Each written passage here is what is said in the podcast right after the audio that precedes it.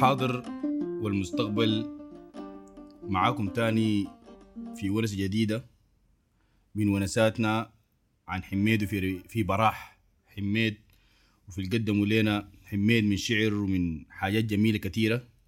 نتناقش فيها الليلة والليلة. اخترنا وشهاب اختار ياخذ التحدي بتاع ست الدار بعد. كان بيتهرب منه كثير في الفترة اللي فاتت لكن آه، حنبتدي معاكم في ست الدار. بنت احمد وقبل ما نبدأ كالعادة حنشكر ود الزين ريكوردز وتسجيلات ود الزين وإنهم اتاحوا لنا الفرصة لبراح في التسجيل للحلقات بتاعت آه، حميد. ونتمنى إنه حيكون في حاجات كثيرة جاية معاهم إن شاء الله. آه قبل ما نبدأ دارين ننقلكم للسبعينات في بداية السبعينات.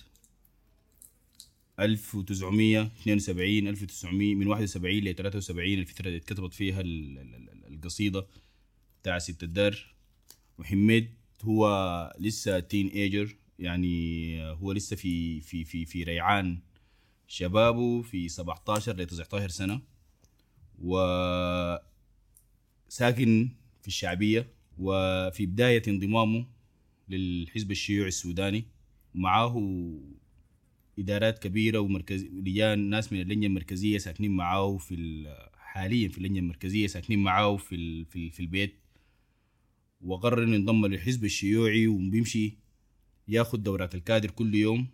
بيطلع من الشعبية بيمشي برجوله لغاية البسطة أم درمان في في في في في في بيت هناك عشان ياخد دورة الكادر بتاعه. دورة الكادر هي الحتة اللي بيدربوا فيها الكادر وبيأهلوه عشان يكون هو كادر عند كل الأحزاب السياسية عشان إنه يكون كادر مؤهل يكون عارف برنامج الحزب وحاجات الحزب وإنه الحزب داير شنو داير يصل لشنو آه حميد كان بيمشي وبيدرس وفي نفس الوقت ده كان لسه يا دوب الحزب الشيوعي بي بي بي بي بي بي بيحاول ينفض عن نفسه الغبار والتراب بعد بعد المقاطعه اللي حصلت له بعد المحاوله بتاعت الانقلاب اللي عملها أو الثوره التصحيحيه زي ما ما بيطلق عليها الحزب الشيوعي السوداني وكتب ست الدار بيناقش فيها حاجات كثيره عن عن على المستوى الاجتماعي والمستوى الاقتصادي والمستوى السياسي وأرخ فيها للحقبة دي في كلمات بسيطة شديد أرخ لل- لل- للحاجات بشكل كبير وبشكل مبالغ فيه.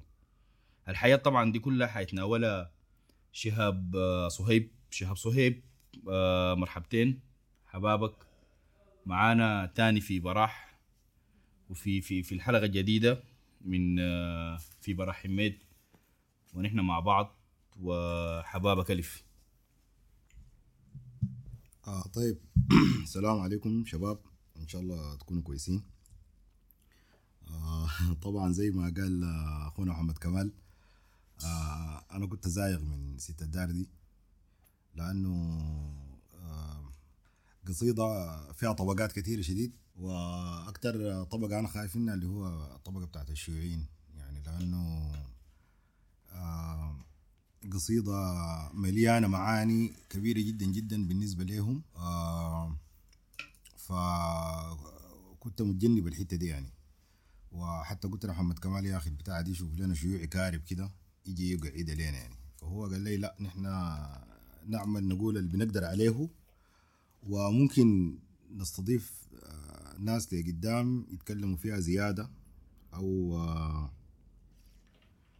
يعني يوضحوا معاني بصورة غير المعاني اللي فاهمينها أنا حتكلم عنها بال بالشيء اللي فاهمه أنا زي ما أنا قاعد أكرر دائما في التسجيلات اللي فاتت.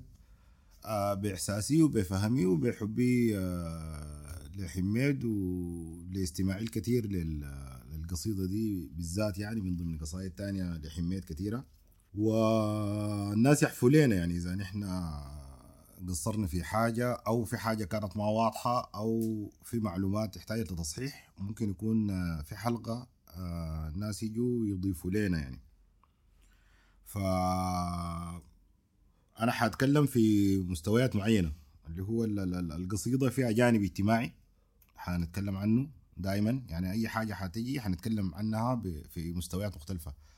الجانب الاجتماعي والجانب الاقتصادي والجانب السياسي والجانب البلاغي الأدبي الشعري. يعني دي أربع مستويات إحنا حنقوم آه، نتناولها في ال- في القصيدة. وحسبنا أن ننجو من اللوم. طيب ال- القصيدة قبل ما يعني ما نمشي فيها آه، هي عبارة عن جوابات. اللي هو جوابات بين آه، بين ست الدار اللي هو دي واحدة من الشخصيات اللي هو بجيبها. وحميد عودنا على إنه هو يجيب لنا شخصيات كاركترز معينة ويديها صفاتها. وبيتكلم عن مثولها وعن اخلاقها وعن فهمها وبحاول من خلال الشخصيات دي هو يوصل رسائل معينة. ف دي ثلاثة جوابات. جواب كتبته ست الدار لراجلها اللي هو اسمه الزين حامد بعدين الزين ود حامد قام رد عليها بجواب الثاني. بعد ذاك هي تاني قامت ردت على الزين ود حامد بعد ذاك الأحداث الصاعدت بقى إنه ما في زمن عشان هم يكتبوا جوابات ويتعاملوا بالبرقيات. ويترسل ثلاثة برقيات. اثنين كانوا من آه، ست الدار ذاتها. وبرقية واحدة كانت من ولدهم اللي هو راشد ود الزين ود حامد فدي دي, دي, دي ببساطة ال- القصيدة. القصيدة دي اتكتبت في 71 أو 72 آه حميد الوقت ده كان عمره 16 17 18 سنة ما أكتر من كده. هو أفتكر مولود كم 56 56 يناير 56 يناير 56 حسب ال- الحاجة فدي الشيء اللي لقيناه يعني. بعدين آه، ملحوظة أخيرة قبل ما أبدأ. ال- ال- ال- في نسخة يعني صوتية موجودة في ال SoundCloud أو في اليوتيوب أو في كده. مختلفة عن النسخة المكتوبة اللي هو دي هو أفتكر أنا قراها في حشد آه، فيه يعني حاجة سياسية يعني فيه كوادر شيوعية أو كده. المهم يعني في في في احتفال آه سياسي فهو قام عزل من القصيدة ما قال القصيدة كاملة يعني.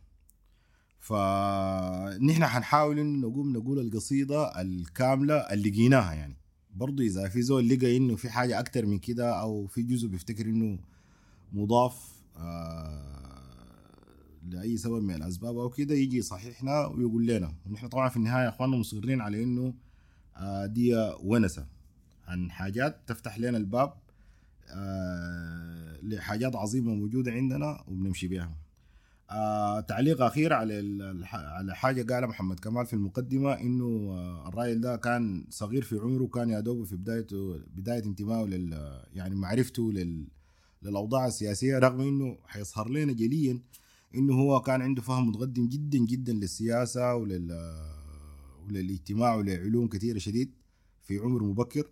لكن بفتكر إنه الناس العباقرة دائما في في سن صغيرة جدا آه، بيكون عندهم وعي عالي. يعني إذا لما مثلا تشوفوا التجاني يوسف بشير اللغة ال- اللي كان بيكتب بها القصايد بتاعته في عمر في نفس العمر بتاع حميد ده آه يعني النابغة الزبياني ما بيقدر يكتب بها يعني في مصطلحاته ومفرداته وتمكنه من اللغة ويعني عبقرية هي. فبرضه دي بتأكد لنا إنه حميد رجل عبقري ودي من قصايده الأولى. يعني يمكن من يعني من أوائل قصايده المشهورة. أنا عرفت إنه قصيدة الطيبه مثلا اتكتبت في عطبرة آه، زي ما قال لي صدام قبيل و وكان عمره مؤكد أصغر من من ال 17 دي. فحميد ده بدأ الشعر بدري لأنه هو الشعر عنده ما صنعه. الشعر دي موهبة الله أداها له. طيب آه حنبدأ ال- الجواب الأول. الحلقة ما عارفين حتمشي كيف حسب الوضع. إذا تمت في حلقة واحدة كويس إذا ما تمت بنواصل في حلقة تانية الأسبوع الجاي.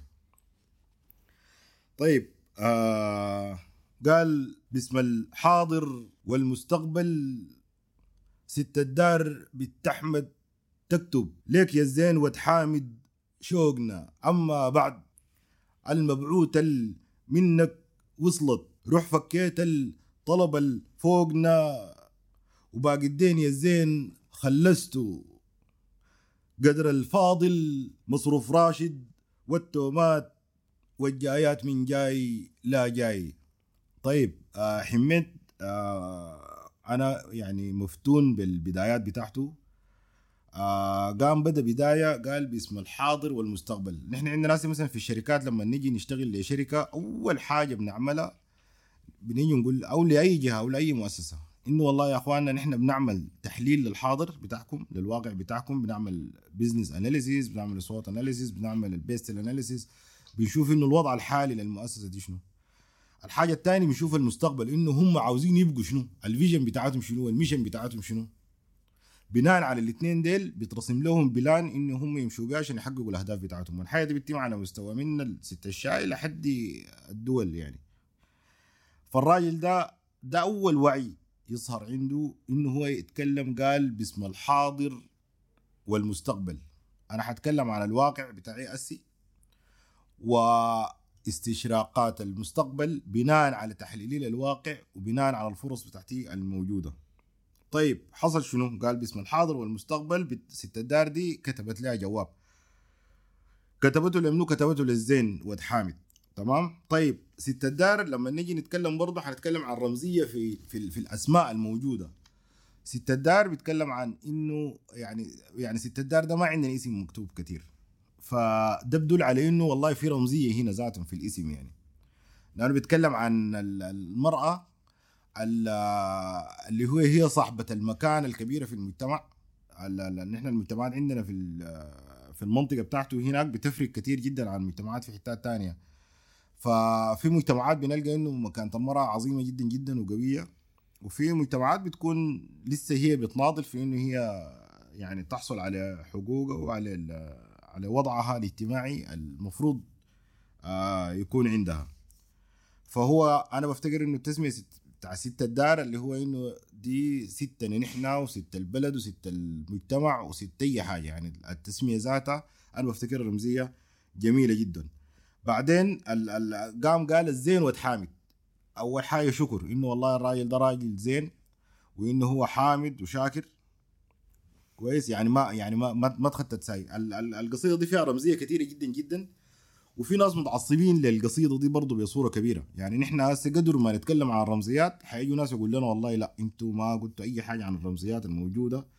والحاجة دي آه، لسه فيها كلام أكتر وفي معاني في ناس انغمسوا فيها بصورة حميت ذاته لو جا حيتخلع يعني في في ال- في المستوى ال- الناس بيتكلموا به يعني. فأنا ححاول إنه أكون محايد أو معقول في طرح ال- ال- ال- ال- التفسير بتاع الرمزيات دي وتاويلاتها فبتتكلم معاه كمواطنة بسيطة اللي هو ده الجانب الاجتماعي البسيط. اللي هو زولة بسيطة قاعدة في قرية من القرى بتاعت السودان بترسل لزوجها الموجود في البندر زي ما بنقول أو موجود في العاصمة أو في واحدة من المدن الكبيرة. حنعرف إنها هي الخرطوم في النهاية بعدين. ف وبنعرف إنه المنطقة دي اللي هو دي غالبا القرية بتاعته في في الشمالية لأنه من شكل ال- الداتا والبيانات اللي هي بتديها له والأخبار اللي هي بتديها له لكن واضح جدا إنه في رمزية عالية للقرية بتاعته لأنه هو بتك... يعني هي لما بتديه الأخبار هو بيعمل آه، رمزيات لأنه هو يعني هي بتتكلم عن السودان كله يعني. طيب قامت قالت له شنو؟ قالت له والله يا أخي يا زوجي الحبيب أنت يا أخي رسلتني قروش كتر خيرك اللي هو طبعا دي الرسالة الأولى يعني. طبعا هي طبعا الناس بيقولوا دي الرسالة الأولى لكن الرسالة الأولى أفتكر ده الكاش اللي وصل. فهي بتقول له والله في كاش وصل والكاش ده نحن مشينا سددنا به الدين بتاعنا وفكينا الطلب اللي علينا وحنشتغل به مصاريف ونمشي به الأمور. تمام؟ طيب لما نيجي نتكلم عن الجانب الاقتصادي اللي هو نحن حنتكلم قلنا عن عن الجوانب دي كلها يعني عن البلاغة وعن الاقتصاد والاجتماع والسياسة الأربع محاور دي. فعشان كده أنا حاسس إن هي حتاخد مننا زمن. طيب قامت قالت له أما بعد المبعوث منك وصلت. طيب ده معناته هم في احتمال بنسبة كبيرة جدا على الحاجة اللي بتجيهم من الزول ده وبعدين ده زول آه بسيط جدا جدا. قاعد منهم بعيد.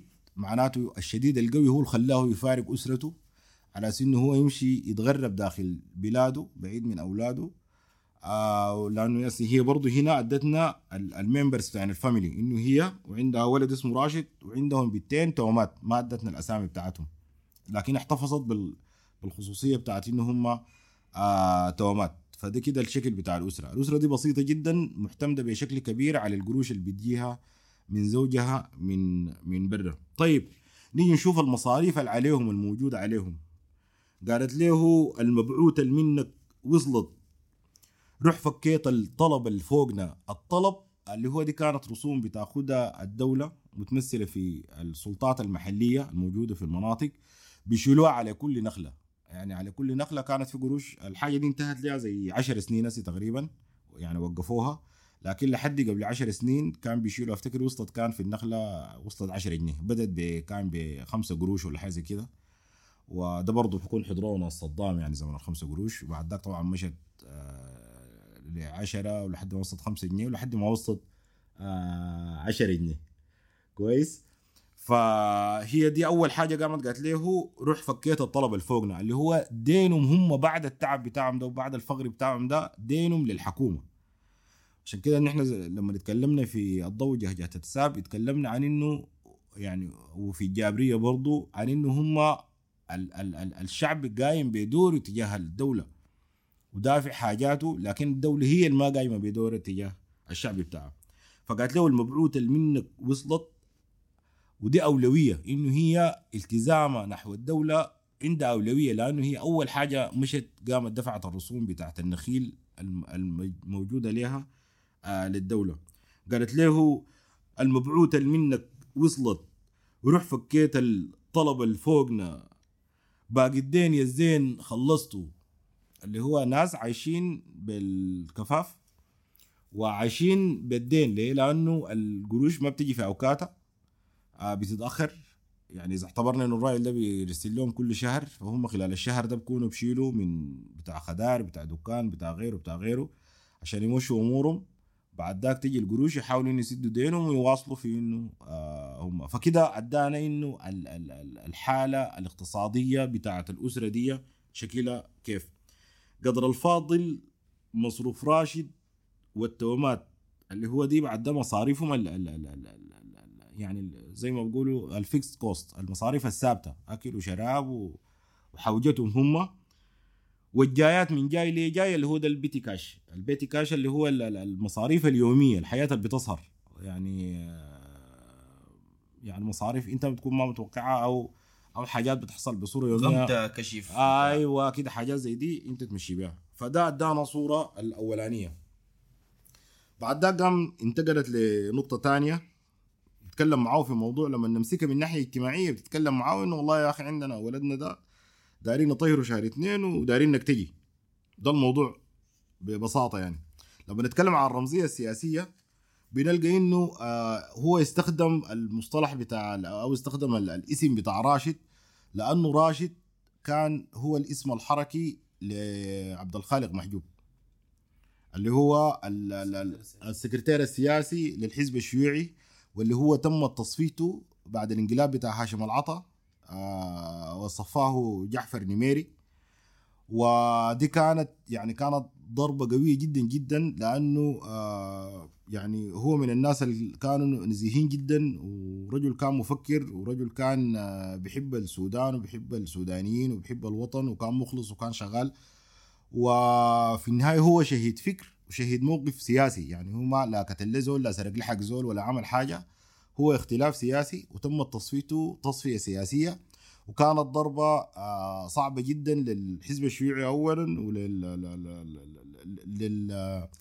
للحراك السوداني السياسي يعني نعم. كونه إنه تتم تتم تصفية آه سياسية من أجل فكر بتاع زول.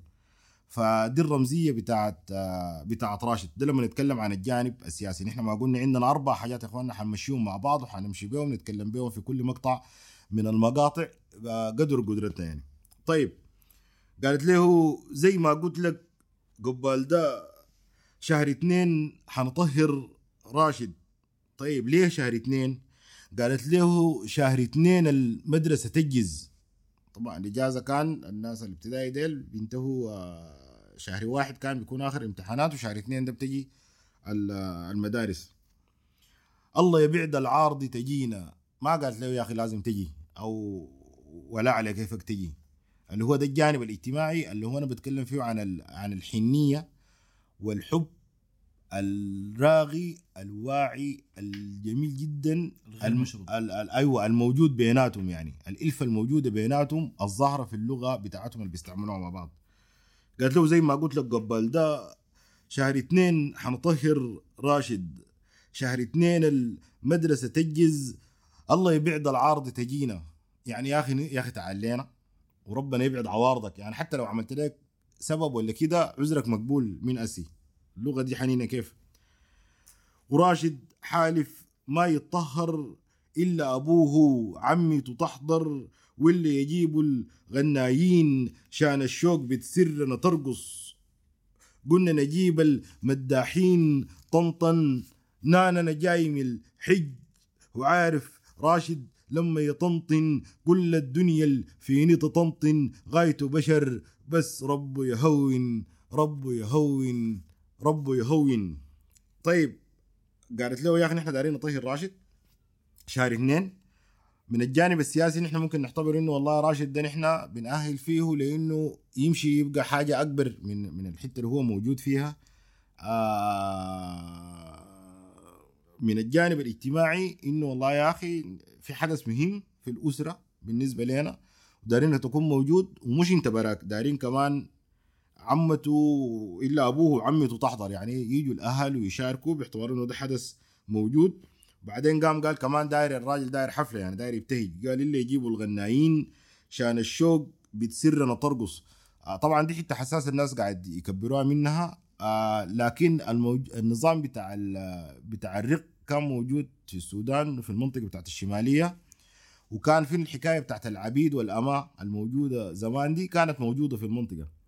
بعد ذاك الحاجة دي لما انتهت بيقوا الناس متعايشين يعني الناس الزمان يقول لك والله ده خادم فلان ولا دي ده ده عبد فلان وكده. كان الحاجة دي موجودة يا إخواننا ما يعني دي حاجة موجودة كانت في المجتمع بتاعنا نحن ما ننكرها كانت فيه الحاجة دي لما انتهت بالعشرة والالفه الموجودة بين الناس ما قاموا والله عملوا مثلا زي ناس الكويت قالوا ده بدون ولا بتاع ولا كده. لا.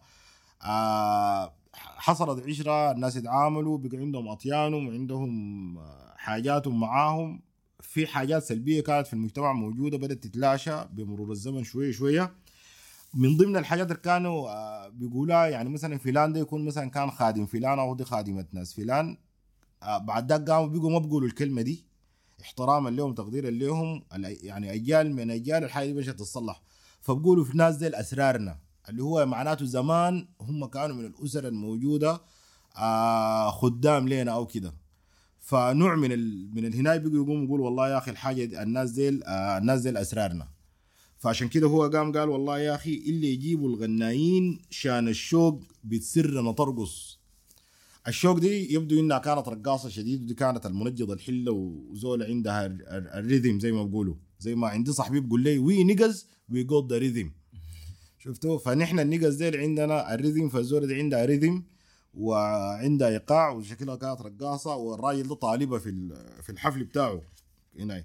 برضه ده بورينا إنه اجتماعيا زمان ال- ال- ال- اللي هو طبعا أصلا دي عادة ذاتها من الفراعنة جات بتاعت ال ال يعني الاحتفاء بالمراسم بتاعت الختان للأولاد آه اللي هو كان بيتم فيها لأنه ال- ال- ال- ال- ال- الحنة والضريرة وبيتعامل زي العريس وبودوه البحر ويعني كل الطقوس الفرعونية اللي كان بيتم زمان مشت وانتقلت وتواصلت في المجتمع فكان الطفل بيكون أكبر في عمره من أسي. يعني أسي حاليا الطفل مرات بيلدوه بعد أسبوع بيعملوا له ال- الحكاية دي. لكن آه هنا بورينا إنه آه كان في عمر أكبر لدرجة إنه زول واعي وبيطلب إنه داير أبوه وعمته تحضر وداير يجيبوا الغنايين وداير كمان داير الشوق بتسر ما ترقص بالاسم يعني محدد إنه منو التي ترقص. ولما الجماعة قالوا له يا أخي نجيب المداحين هو دق جرس طنطن. قال يا أخي أنا جاي من الحج. تجيبوا لي مداحين وطبعا أنا قلت إنه حميد دائما عنده ال black comedy لأنه دي nature بتاعت المنطقة وبتاعت الطريقة بتاعتهم أي- إنه هم بيتكلموا كده. وقالت له عارف راشد لما يطنطن كل الدنيا ال- في نطة طنطن غايته بشر بس ربه يهون. اجتماعيا اللي هو دي ال- ال- ال- ال- الشكوى الظريفة الجميلة اللي بتكون من لل- للتفاصيل بتاع للأب وما بتكون هي دايرة لها حل. هي بس يعني كأنه بتشارك المعلومة للحن الموجود في مشاركة المعلومة ذاته. بعدين قام انتقل لحاجة تانية أو عن طريق آه عن طريق آه ست الدار. دار يخش في موضوع تاني. قامت قالت له ما حدثتك بالتومات. أول البارح جنية رطن قال نحن الخواجات. بسملت مرق حصلت لقيت لك. جحفر زارد البيت بالخواجات. يبقى 11 وخواجيه ناس البلد ال- كسروا عليهن صدوا يقلبوا في إيديهن. عدمانين من اسم حكيم ولا خبيرا للمشروع. علماء آثار فضلت في آثار ما خموها الجونة قبلكن شن خلونا بلا حجار الله يصرف الخواجات.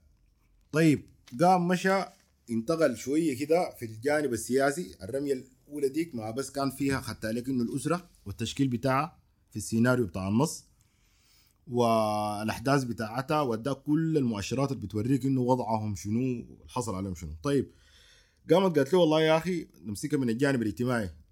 قالت له والله يا أخي التومات ديل أول امبارح جوني قالبات حسهن زي ما بقولوا وبيحاكوا في إنه في معناته في في في في ثقافة جات دخيله على المجتمع بتاعهم. في ناس جو بيتكلموا بلغة تانية مختلفة. فهي قالت له ما حدثتك بالتومات أول البارح جنية رطن والموضوع ده قريب من ده اللي حصل أول امبارح. جي رطن يعني شنو؟ جو بيحاولوا يتكلموا زي الخواجات زي الناس اللي شافوهم الحاجة جات جديد عليهم دي. فهي بناء على الطريقة اللي هم جو يتكلموا بها وكده. يا اخواننا البنات الكلام اللي قاعد تقولوا فيه ده شنو؟ قال لا والله ده في خواجات قاعد يتكلموا كده. فهي قامت مرقت تمشي تشوف الحاصل شنو. فده بورينا برضو إنه هي آه، سيدة عندها وعي عالي جدا وعندها متابعة للأحداث الموجودة في الحلة وبناء على الحاجة دي قامت طلعت مشت تشوف الحاصل شنو. قالت اتبسملت مرق حصلت لقيت لك جحفر زارد البيت بالخواجات. جاب شخصية سماها جحفر. إذا مسكنا سياسيا أنا بفتكر أنا التومة دي بفتكر إنه هو ده جحفر محمد دميري يعني ال- ال- ال- ال- الرمزية دي خدتها لإنه آه إنه في زول آي يعني هو قال جحفر يعني. يعني إذا جا زول لأنه في ناس قاموا قالوا لا والله هو ما قاصد كده هو قاصد بس الرمزية بتاعت الزول. ال- مثلا ال- ال- ال- ال- ال- ال- ال- اللي هو داير يأمرك ال- المجتمع أو يرص من المجتمع أو كده. لكن أنا بقول إنه هو مباشرة خدت الشخصية بتاعت إنه والله ده جحفر جحفر ده زول كبير قاعد في المجتمع عنده سلطة عنده power عنده capacity عالي جدا جدا بدليل إنه آه يعني هو يعني جايب الخواجات في بيته وجايب معاه لام ناس كتار زي ما نحن حنشوف. وبيتعامل معاهم بال- بالصورة دي. كويس؟ فبيبقى إنه هو mainly لما نتكلم سياسيا هو بيتكلم عن الفترة اللي فيها الخلاف بينات ال- ال- ال- ال- ال- ال- الزين واد حامد ده اللي هو الفترة اللي فيها الخلاف كان بين ال بين ال بين المحجوب أو بين الحزب الشيوعي وبين ال-. بين نظام مايو بقيادة جعفر نميري. فهو قام جاب لنا السيد جعفر. طيب السيد جعفر ماله قالت قالت له لقيت لك جعفر زارد البيت بالخواجات. يبقى 11 وخواجيه. المصطلح بتاع 11 ده أنا سألت الشيوعيين ما لقوا لي له إجابة. أنا شخصيا حقول كلام آه من وجهة نظري أنا. آه نحن عندنا في الشمالية الناس بيقروا خلاوي. من ضمن الناس اللي قروا خلاوي حميد ذاته. فالقرآن بيأثر عليهم موجود التأثير بتاعه. أنا ممكن أستشفه وأطلعه للناس من القصائد بتاعته. زي ما نحن الشعراء بتاعنا الحقيبة والناس اللي بيغنوا حقيبة كان واضح في المصطلحات الموجودة عندهم. هل أتاك حديث البلبل الصداح بيستخدموا العبارات والألفاظ ال- وال- والتعابير البلاغية الموجودة في في القرآن بيجيبوها. قاصدين أو ما قاصدين؟ كونشسلي ولا ان كونشسلي كويس؟ فالتعبير ده موجود في القصص الموجودة في القرآن آه، في, القصص اللي فيها أحداث والمو- والموضوع الصورة الموضوعة فيها بشكل هنا. يعني آه إني رايت أحد عشر كوكبا والشمس والقمر لي ساجدين. فدي رمزية بتاعت عدد أكبر من الستة. مثلا لما نيجي الستة اللي هو حنيجي نلقاها إنه هي دي الرمزية بتاعت الناس تم تصفيتهم آه من قبل جعفر نميري بعد الانقلاب بتاع هاشم العطا اللي هو اللي هو كان آه تمت معاداة ال- ال- ال- الحزب الشيوعي كله تم تصفية ال- ال- ال- ال- ال- اللجنة بتاعته ال- ال- المركزية. ما كلمتك بالتومات أول البارح جني رطن قال نحن الخواجات بسملت مرق حصلت لقيت لك جحفر زارد البيت بالخواجات يبقى 11 خواجي. طيب قلنا جحفر الرمزية دي آه جايب خواجات. كويس. آه قدام لما نمشي سياسيا حنلقى إنه الخواجات ديل هم أمريكان. كويس. لكن هي هسه لما بيتكلم فيه إنه هم ديل الخواجات ناس foreigners ناس أغراب موجودين مع جحفر في الحتة اللي هو قاعد فيها. ناس البلد اللي كسروا عليهم عشان يشوفوا. ما الناس هناك الشمال عالي. الناس بيجوا بيشوفوا إنه والله يا أخواننا في البيت الكبير الموجود في نص الحله ده فيه خواجات جو دايرين نشوف الحظ شنو. تتذكروا هناك قال حد ما نشوف لنا خواجات مسؤولين. مسؤولين أو خواجات نجري نمد قدحاتنا عليها.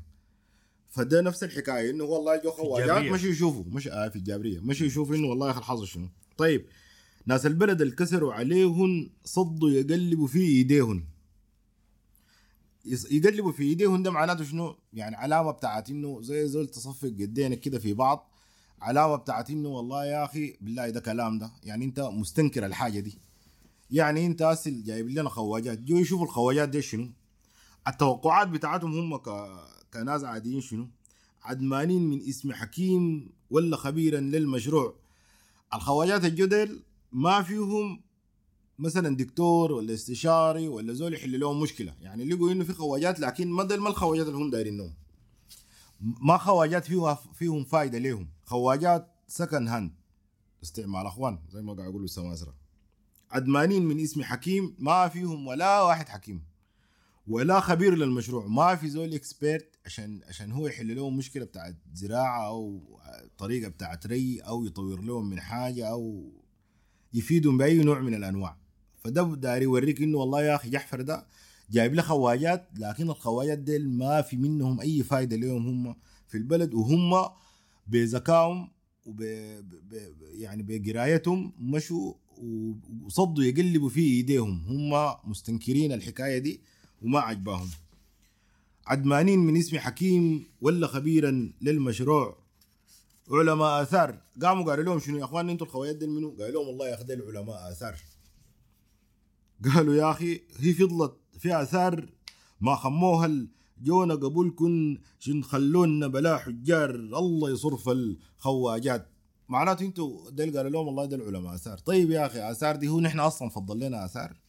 أي حاجة ذهب اتشالت أي حاجة منحوتة كويس اتشالت. يعني أنا لفيت مشيت في أسبانيا لقيت في آه، معبد كامل شالوه من البركل دي ودوه هناك. زول اداه هدية لزول ما أعرف. محمد علي باشا ولا شنو اداه للملك منو كده؟ ما أعرف بتاع أسبانيا. قاعد في نص اللي أنا لما اتخلعت أنا قلت الناس دي عاملينه علينا. قاموا قالوا لي لا ده الأوريجينال ذاته. تمشي متحف بوسطن تمشي في أمريكا تلقى قسم كامل جوا المتحف بس للآثار السودانية. تمشي باريس تمشي أي حتة تمشيها بتلقى تمشي ألمانيا أي حتة بتلقى تلقى الآثار السودانية قاعدة. فالخواجات عاد من بداية. من من ما جو 1800 لحد بداية 1900 دي شالوا ما خلوا حاجة. عشان كده قاموا قالوا لهم يا أخي علماء آثار ما فضل حاجة. علماء آثار فضلت فيها آثار ما شالوها ال...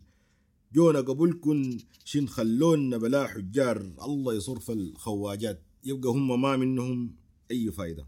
طيب قام بعد ذاك انتقلت لموضوع تاني. اجتماعيا إنه والله هي بتديه في أخبار الحلة. لكن سياسيا بيتكلم عن حاجة مختلفة تماما. بيتكلم عن الموضوع الأساسي.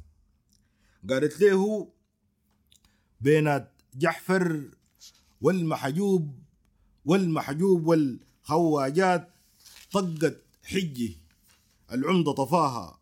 باقي الناس الجات للفرجي قنبوا قيلوا شبعوا لحوم. والخواجي يصور ساكت طيب نشوف قال قال بين جعفر والمحجوب كويس لا لا لا لا لا لا لا اللي هو هنا أنا بفتكر المحجوب ده هو بيرمز هو لعبد الخالق محجوب اللي هو أنا بفتكر انه أنا ما شيوعي لكن أنا بفتكر انه عبد الخالق محجوب كان بيمثل قمه الوعي الموجود في الوقت ذاك قصاد قصاد دميري لأنه آه وكان عمره يعني هو لما اعدموا نميري كان عمره زي 42 أو 43 سنة أفتكر. ما يعني ما كان ما كان كبير في العمر لكن كان كبير في الفهم بتاعه في حبه لبلده لحاجاته.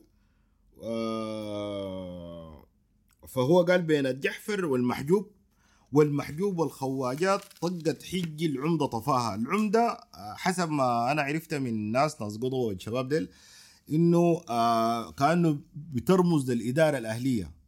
وزي ما يعني حنيجي نشوف إنه الإدارات الأهلية دائما قاعد تكون تابعة للأنظمة يعني بتنبطح للأنظمة الموجودة. إذا كانت دكتاتوريه عديل إذا كانت أنظمة شمولية إذا كانت أنظمة بتدعي الديمقراطية هي بتكون ذراع من اذرع السلطة لتحقيق الغايات والسلطة ذاته بتستخدمها في في تحقيق آه، أهدافها.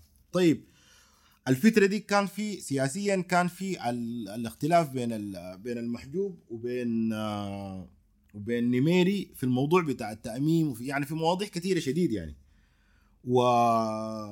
وبناء عليها زي ما بقولوا حدث ما حدث. طيب قال بين الجحفر والمحجوب والمحجوب والخواجات لأنه الخواجات ديل واضح إنهم زي ما حنعرف لقدام إنه هم آه، دي ال- ال- ال- الرمزيه للرأسمالية العالمية وللليبرالية ول يعني كأنه هو اتجاه سياسي رأسمالي محاولة للتغيير بتاع ال- ال- الطبيعة بتاعت الناس اللي هم أصلا تشاركيين واصلا آه، متعاونين واصلا احتياجاته عمال ومزارعين واحتياجاتهم بسيطة. آه لكن دي الفترة كانت بتاعت الحرب الباردة اللي هو فيها ال- ال- ال- الصراع كان كبير جدا بين الرأسمالية وبين الاشتراكية. بين الجحفر والمحجوب والمحجوب والخواجات طقت حج العمدة طفاها. باقي الناس اللي جات للفرجي قنبوا قيلوا شبعوا لحوم. دي برضو دايرة تورينا زي أسي. نحن أسي عندنا اتفاق جوبا طيارات وحشود وفنانين ومرتزقة. كلهم ماشيين ومسافرين وأكل وشراب وفنادق على حساب هذا الشعب. الواقف في صف العيش والواقف في صف البنزين واللي بيعاني من التضخم وبيعاني ده اللي هو نفس الحاجات اللي كنا بنعاني فيها من النظام الفات. آه القروش اللي بتضيع في في الاحتفالات اللي ما عندها أي معنى. آه لسه هي مواصلة ولسه هي بتتكرر. الحاجة دي قديمة. مين ما حميت كان عمره 16 و17 سنة. إنه والله يا أخي باقي. الناس اللي جات للفرجي في ناس لسه ماشيين جوا بس ماشيين يتفرجوا. قنبوا قيلوا شبعوا لحوم. ناس عطالة ساي. بس. طيب. بعدين قال شنو؟ قال الخواج يصور ساكت. شوف الخواج بصور في شنو؟ اللي هو ده داير حميد من بدري عنده وعي لإنه الإعلام بيركز على حاجات معينة بينقل صورة معينة. يعني أنت لما تسال زول عن عن السودان برا حيتكلم بس عن الحاجات اللي هو الصور النمطية المنقولة له عن طريق ال- الإعلام. آه بناء على الصور اللي اتنقلت لهم برا. كويس؟ ودي نحن هسه يمكن الناس بسبب السوشيال ميديا وبغيره بيقوا الناس عندهم وعي ليها. طيب الخواجة تتخيلوا بصور في شنو؟ طيب قال الخواجة شنو؟ قال صوروا بنت الجنفاوي طالع تكسر فيه الواقود دي لقطة بورتريه. تتذكروا بنت الجنفاوية دي؟ هو مش تتذكروا هي دي دي ما أول دي قبل قبل ال- قبل الجابرية وقبل الضوء. الضوء جهجة الساب الجنفاوية قلنا الزول ال- ال- ال- ال- ال- بتستعمل اليد اليسرى تستعمل اليد الشمال زي ناس كروم ده يعني كروم ده جنفاوي مثلا. كويس؟ فصوروا بنت الجنفاوي اللي هو بيت عادية يعني بس هي دي دي, دي الحاجة المشهورة بها يعني. بيت عادية لكن بيتعمل في شنو؟ طالعه تكسر في الواقود. زوله لا عندها غاز لا عندها كهرباء آه، ما عندها حل غير إنه هي تمشي تقطع الواقود. فدي دي الصورة اللي هم دايرينها يعني ما بصوروا إنه الحقول مزروعة والنخيل طالع وإنه ده الناس شغالين ومنتجين ومتكاتفين ومترابطين. لا يجيبوا والله يا أخي يعني يشيلوا لقطة معينة في لحظة معينة عشان ينشروها للإعلام يصوروه بصورة آه معينة. فالصور صوروا بنت الجنفاويه دي طالعة تكسر في الواقود بتلقط في الواقود اللي هي حطب ولا باقي شجر ولا كده ناشف بتشيله عشان تمشي تولع به النار طيب تاني قال شنو؟ قال شاف على الحلبة بضل عن برا استعماله لكلمة الحلب لأنه هم الحلب قلنا ديل اللي هو الهيبز ديلك اسمهم شنو هم؟ رحل هم رحل اللقادة والكده اللي هو هم يعني يعني أنا ما أعرف هم اصلهم جايين من وين. هم بيسكنوا دائما على أطراف الأحياء وبيشتغلوا في الصناعات بتاعت يعني بصنعوا الأباريق والما بعرف وال يعني يعني أدوات حي بتاعت الحديد والكده وال والحاجات بتاعت الحمير مثلا اللبده والاكسسوارز بتاعت الحمير يعني بتاعت العربات بتاعتهم وكده. فهم بيسكنوا على الأطراف. فهم كانوا بيعتبروا إنه هم ما أصيلين في المجتمع. يعني ما هم موجودين من بدري. هم قبائل آه، مهاجرة ونازحة وبعدين جات سكنت على تخوم القرى بتاعتهم. فهو ده يتكلم عن ديل فشاف على الحلبة بضلع عن برا. ده والله شافع مقطع لابس هدوم مشرطة ولا كده المهم ضلعوا برا بأي حال من الأحوال. فده قاموا آه، صوروه يعني لو لقوا لهم شافع مبغبغ كده ده مليان تمر وسمن ده ما بصوروه. هم دايرين صورة معينة. شاف على الحلبة بضلع عن برا إيده تدمدم وجار العود. يعني هم ذاتهم بيعرفوا يختاروا اللقطة اللي هم آه بيصوروها. بيقدروا يتاجروا بيها. أيوه. والخواجة الكل لغد. يعني خواجة ذاته مرتاح عنده عنده عنده جضوم يعني عنده عنده آه، الحتة بتاعت رقبته دي منفخة. يعني خواجة شبعان ده ما خواجة ساي يعني. الخطأ الشائع الناس بتقول نقود لغود. لغود باللام. باللام أي. كويس. وبرضه إذا في زول عنده تصحيح لا يجي صحيحنا. لكن أنا أفتكر انها لغود قالوا كنا نصور في البوبار ويا بوبار العمدة وبزخوا الإدارات الأهلية. ستة خرفن وتيز انسلخوا. ستة خرفن وتيز ما كفن. ستة خرفن في فد يوم.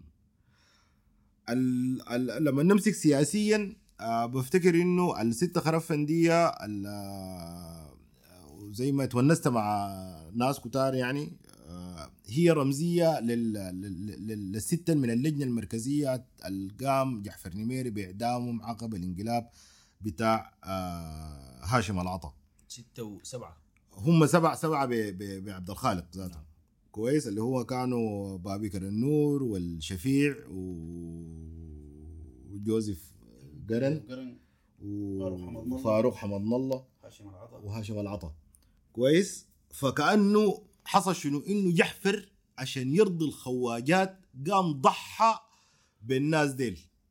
لأنه ديلك هم كانوا بيتكلموا عن يعني ساعين للمد الرأسمالي يكون موجود في آه، في في المنطقة بتاعت شرق ووسط أفريقيا وفي أفريقيا عموما.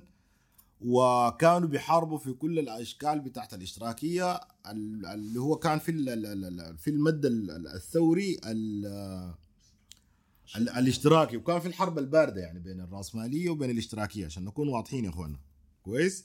طيب فأنا بفتكر إنه دي رمزية لتضحية ديميري بالناس ديل عشان هو يكسب الود بتاع ال- ال- ال- ال- ال- الليبرالية والنظام الرأسمالي ال- القايم اللي هو داير إنه هو يفرض حاجاته آه ويوقف المد الاشتراكي اللي كان ظهر في الوقت داك في المنطقة دي.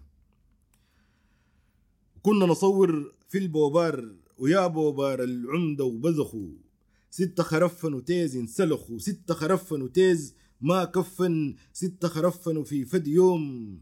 المعدوم اشكال والوان. نرجع للجانب الاجتماعي. إنه هم رغم العناء اللي هم فيه لكن تم إكرام الناس ديل بصورة كبيرة جدا. هسه تخيل لاحظوا لما يجينا مثلا رئيس من دولة ولا حاجة زايرة. تعال شوف العربات والتشريفات وكمية ال...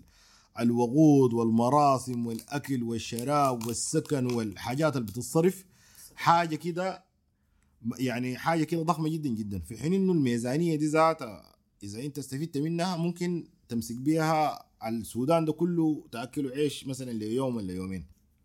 وكنا نصور في البوبار يا بوبار العمدة وبذخوا. ستة خرفن وتيز انسلخوا ستة خرفن وتيز ما كفن. ستة خرفن في فد يوم. المعدوم اشكال والوان. أي خدار في اليوم داك في كملا رف كمين دكان؟ صاطوا السكر شوالين اللي هي دي هناك عندهم ما بتحصل يعني.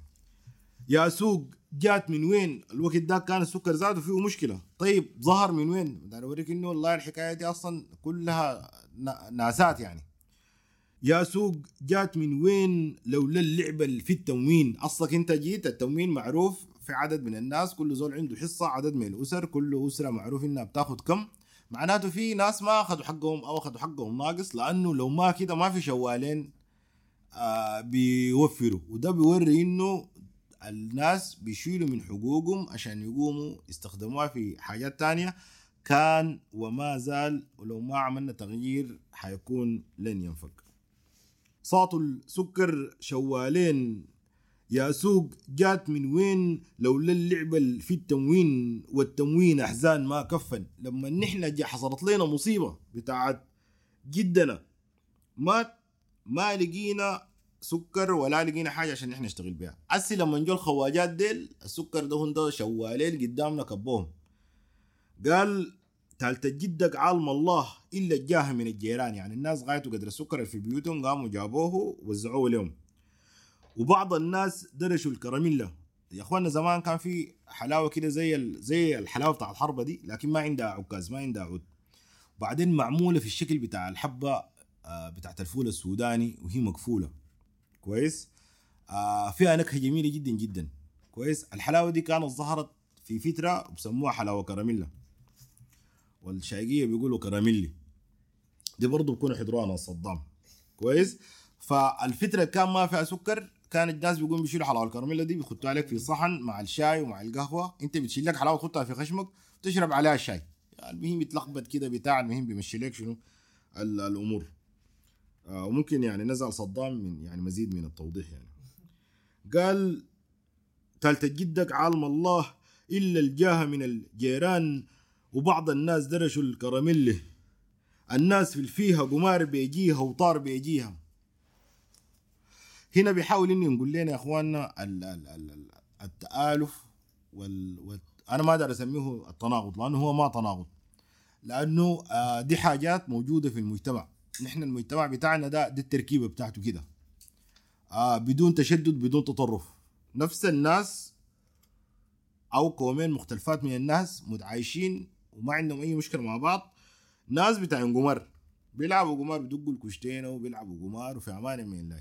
وفي ناس بتاع إنطار بيمشوا بيكون عندهم ذكر وعندهم مديح وعندهم كده وهم في النهاية الاثنين من المكونات بتاعت المجتمع بتاع المنطقة. الناس في الفيها لما نقول الناس في الفيها هو بيتكلم بيحاول يوصف المجتمع الموجود هو فيه في في الزمن ذاك وفي الوقت ذاك الناس في الفيها قمار بيجيها وطار بيجيها ومرة يدعن ومرة نديها.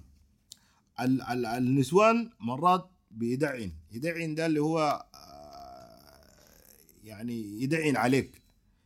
الله يسخطكم الله يغتس حجركم الله يبشتنكم الله يسوي لكم الله كده. ده ده الدعاء النديها الليلة يا سيادة القوة بتلحقونا والليلة يا سيدي الحسن تلحقنا والك... اللي هو ده شنو؟ الليلة يا الله والليلة يا النبي والليلة يا النبي نوح ويا ما بعرف منو كده. فدي برضه موجودة في الثقافة الثقافة بتاعت ال- ال- ال- الدعاء والثقافة بتاعت النديها الناس في الفيها قمار بيجيها وطار بيجيها مرة يدعن ومرة نديها. آه بدأ يسرد في شخصيات معينة. اجتماعيا قلنا إنه بكونوا ديل ناس موجودين في المجتمع آه، في المنطقة شخصيات موجودة. سياسيا بيتكلم عن أنماط من الناس. الدهشان حدر طاقيته. شان خواج اداه سيجارة. ود الخير ودر يوميته. وشوك شدت لها ستة جرارة. الناس في الفيها وشيخنا محمد قالب حسه وطه مكفكف وحازم نصه. وحاج عثمان ينقندف وكان أول يوم في عمر الزاوية إنه تقيل دون أذان وإنه الناس ما صلوا جماعة. الناس في الفيها الناس في الفيها البيت غنم القوى يوم داك السابة سقايته الخل قرايته الرفض الطاعة بقى ينكفرا وكل راس ساعة تخش صينية ورا صينية صينية ورا صينية. طيب النماذج سياسيا لما نمسك ال- الحكاية بالجانب السياسي إنه في أشكال من الناس. يعني مثلا الدهشان حضر طاقيته عشان خواج اداه سيجارة. ده ممكن يكون زول موجود في المجتمع. لكن ده برضه بيرمز لنا للزول اللي عنده أي recognition بسيط من خواجة شهادة جابها من برا قرأ برا يتعامل اشتغل في منظمات اشتغل في دولة برا ولا كده بيجي بيكون دائما عنده استعلاء وقندفة. رمز لها حميت هنا بإنه حدر طاقيته كأنه هو مستعلي على المجتمع بتاعه عشان هو حصل له ريكوجنيشن من الخواجة البرا لأنه في ناس عندهم العقدة بتاعت الخواجة. زي ما حنلقى تاني في شخصية تجي لقدام. طيب ده حدر طاقته عشان شنو؟ لسبب تافه. شوف الذكاء بتاع حميد حدر طاقته عشان خواج اداه سيجاره بس إنه خلاص قشر لناس العله بإنه والله كونه ادوه سيجاره دي دي حاجة. كأنك إنت في زول بيمشي برا بس عشان أو يتعامل مع خواج يحصل له recognition بحاجة سبب تافه جدا. بالنسبة له ده سبب كافي جدا إنه هو يتقندف على الناس ويتعالى عليهم. ود الخير ودر يوميته في زول درويش أقل كتمة هو خلاص يومه باظ. قامت مظاهرات يومه باظ ناس يشاكلوا هو يومه باظ يعني زول بيفرط في حقه بسهولة. أقل حاجة حقه بيروح. ده ود الخير. وزول خير هو. شوف الاسامي هو بيختارها ب- بعناية. الدهشان داك زول أقل حاجة بتخلعه. أقل حاجة بيسبب له الدهشة. ود الخير ده زول فيه الخير. هو زول فيه خير لكن شنو؟ في النهاية حقه قاعد يروح. وده برضه نحن ممكن نلقاه في أي حتة وفي أي قرية وبنلقى الناس ديل. طيب. قال وشوك شدت لها ستة جرارة. دي دي دي دي دي زول زولة أصلية. دي زولة اللي بتعمل إنتاج لمواد آه المجتمع محتاج لها عشان يقدر يتفاعل ويواصل في حياته ويتأقلم معاها. كويس؟ فزمان ال- ال- ال- ال- ال- المشروبات الروحية أنا ما أقدر أقول العرقي طبعا كان آه بتتشدى في الجرارة واللي هي أزيار يعني. فدي قامت شدت عملت كمية ما خلاص السوق فاتح يا إخواننا. سوق فاتح في ناس كتار في خواجات في زوار وفي غيره وفي غيره. فقامت طوالي زادت الكمية بدأت تعمل لها زير ولا زيرين قامت عملت ستة. قال شوق شدت لها ستة جرارة. الناس في الفيها وشيخنا محمد قال بحسه. شفت شفت المولانات ده بيتكلموا كيف؟ ما بيتكلموا زينا كده. والله نحمد الله على ذلك ونكون من عباده الشاكرين. إن الذين يعني يذهبون من هذا يعني الطريق ويتعاطون مع دائما شنو؟ بيكون اللي هو كأنه مغير الشخصية بتاعته الحقيقية. اللي هو كأنه مدعي. he is faking things كويس؟ فده ده منو؟ ده شيخنا محمد. ماله؟ قالب حسه يعني متقمص شخصية غير شخصيته. بيتملق بينافق طه مكفكف وحازم نصه في زول بيكون لجنه مغامه كده. طوال بيكون متشمر وداير يخدم الناس وداير يحل المشاكل وده طوال يا اخواننا الصواني وين؟ نشيل الصواني نجيبها والخرفان وين؟ نمشي نضحك. ده بس بغض النظر عن إنه المطر صابه وين هو ما عارف لكن ده بيكون قلبه حار ومتحزم وداير يشتغل. وده هو ما عنده الوعي الكافي لكن هو بس بيعرف الخير شنو بيحاول إنه يعمله. بغض النظر عن إنه المطر صابه وين. حاج عثمان ينقندف. حاج عثمان ده مركب مكنه يا زول حاجة ضخمة جدا جدا. بعدين واضح من إنه حاج عثمان إنه هو ده الزول اللي كان بيأذن ليه؟ لأنه قال هو كان متقندف وقاشر بالجماعة لدرجة إنه أول يوم في الزاوية الزاوية دي إخواننا أصغر من الجامع وأكبر من الخلوة. الخلوة آه بتكون يعني اللي هو بس أوضة بتاعت جالوس وبكون فيها ال- ال- ال- الشيخ. الخلوة ده بيجي بيجيبوا الشفع بتاعهم بيقروهم الصباح آه بيتموا كل زول بيتم لوحه بتاعه بيتخارجوا بيمشوا كويس؟ ال- ال- ال- ال- الزاوية بتكون أكبر شوية اللي هو بيكون فيها محل بتاع صلاة ومرات بيكون فيها خلوة فهي أكبر من الخلوة لكن ما ارتقت لأنها هي تبقى جامع فهو ورانا برضو الحجم بتاع ال- ال- ال- المكان. الصلاة ده بيوريك إنه حجم المجتمع ال- الموجود شنو. لكن قال شنو؟ حاج عثمان ده اللي بيعزل لهم ده متقندف اليوم ده. طبعا لأنه في خواجات وفي ناس ضيوف وبتاع فهو مركب مكنة. بعدين قام عمل شنو؟ جل الأذان. برضه هو دي من بعيد كده ده يجيب لك إنه الناس دي الحياة دي ما عندهم أولوية. ممكن يبيعوا قضيتهم في أي لحظة. إنه تقيل دول أذان وإنه الناس ما صلوا جماعة. المهم الناس يقول أذان هالوقت جا ما جا بتاع المهم كل زول مش صلى براو بتاع. يعني عمامك ديل بيتقندفوا فين؟ لكن شنو؟ فكوا قضيتهم اللي هم ماسكينها بغض النظر عن أنت مقتنع بها ولا ما مقتنع بها. آه هم فكوها في أي لحظة وبيبيعوا بيبيعوا القضية يعني. طيب قال الناس في الفيها البيض غنم القوى يوم ال... نحن عندنا الغنم بيأكلوهم المغرب. يعني العصر بيمشوا بيجيبوا القش بتاع الغنم لأنه أي بيت بيكون فيه غنمايه وغنمايتين فدائما بيعشوا الغنم يعني الغنم ده اللي بيأكلوهم الصباح يعني القش بيجيبوه العصر نصه بيقسموه بيأكلوا لهم بال... بالمساء والنص الثاني بيدوا لهم الصباح وبيكون دائما بيأكلوهم وقت. وقت دارين يحلبوهم يعني بيحلبوا الغنم مرتين واللي عنده حتى ال... ال- ال- حتى اللي عنده بقر برضه بيحلبوهم مرتين يعني حلبة الصباح وحلبة ال... ال... ال... ال... ال- المساء طيب قال البيت غنم القوى يوم ذاك. في ناس جلوا ذاته ما مشوا. ما في حدث يا إخواننا الناس ملمومين في ناس جلوا ما مشوا ذاته جابوا ما مشوا جابوا القش بتاعهم. فالغنم ذاته باتوا القوى اللي هو يعني باتوا جعانين. السابة سقايته في زول عنده زراعة عنده سقاية بتاعت موية. يعني اللي هو إنه دوره جاء في الموية من الجدول عشان يسقي الزراعة بتاعته. جل الفكرة. تمام؟ الخلة قرايته. في زول ممتحن عنده قراية دك القراية. يعني بيتكلم عن إنه حدث الجماعة دي لما جو أي زول عنده شغلة خلاها. جاب كل الطبقات بتاعت المجتمع والناس الموجودين ووصف إنه هم الناس دي لما جو جاطوا أمور البلد كلها. طيب الرفض الطاعة. البقى ينكفرن.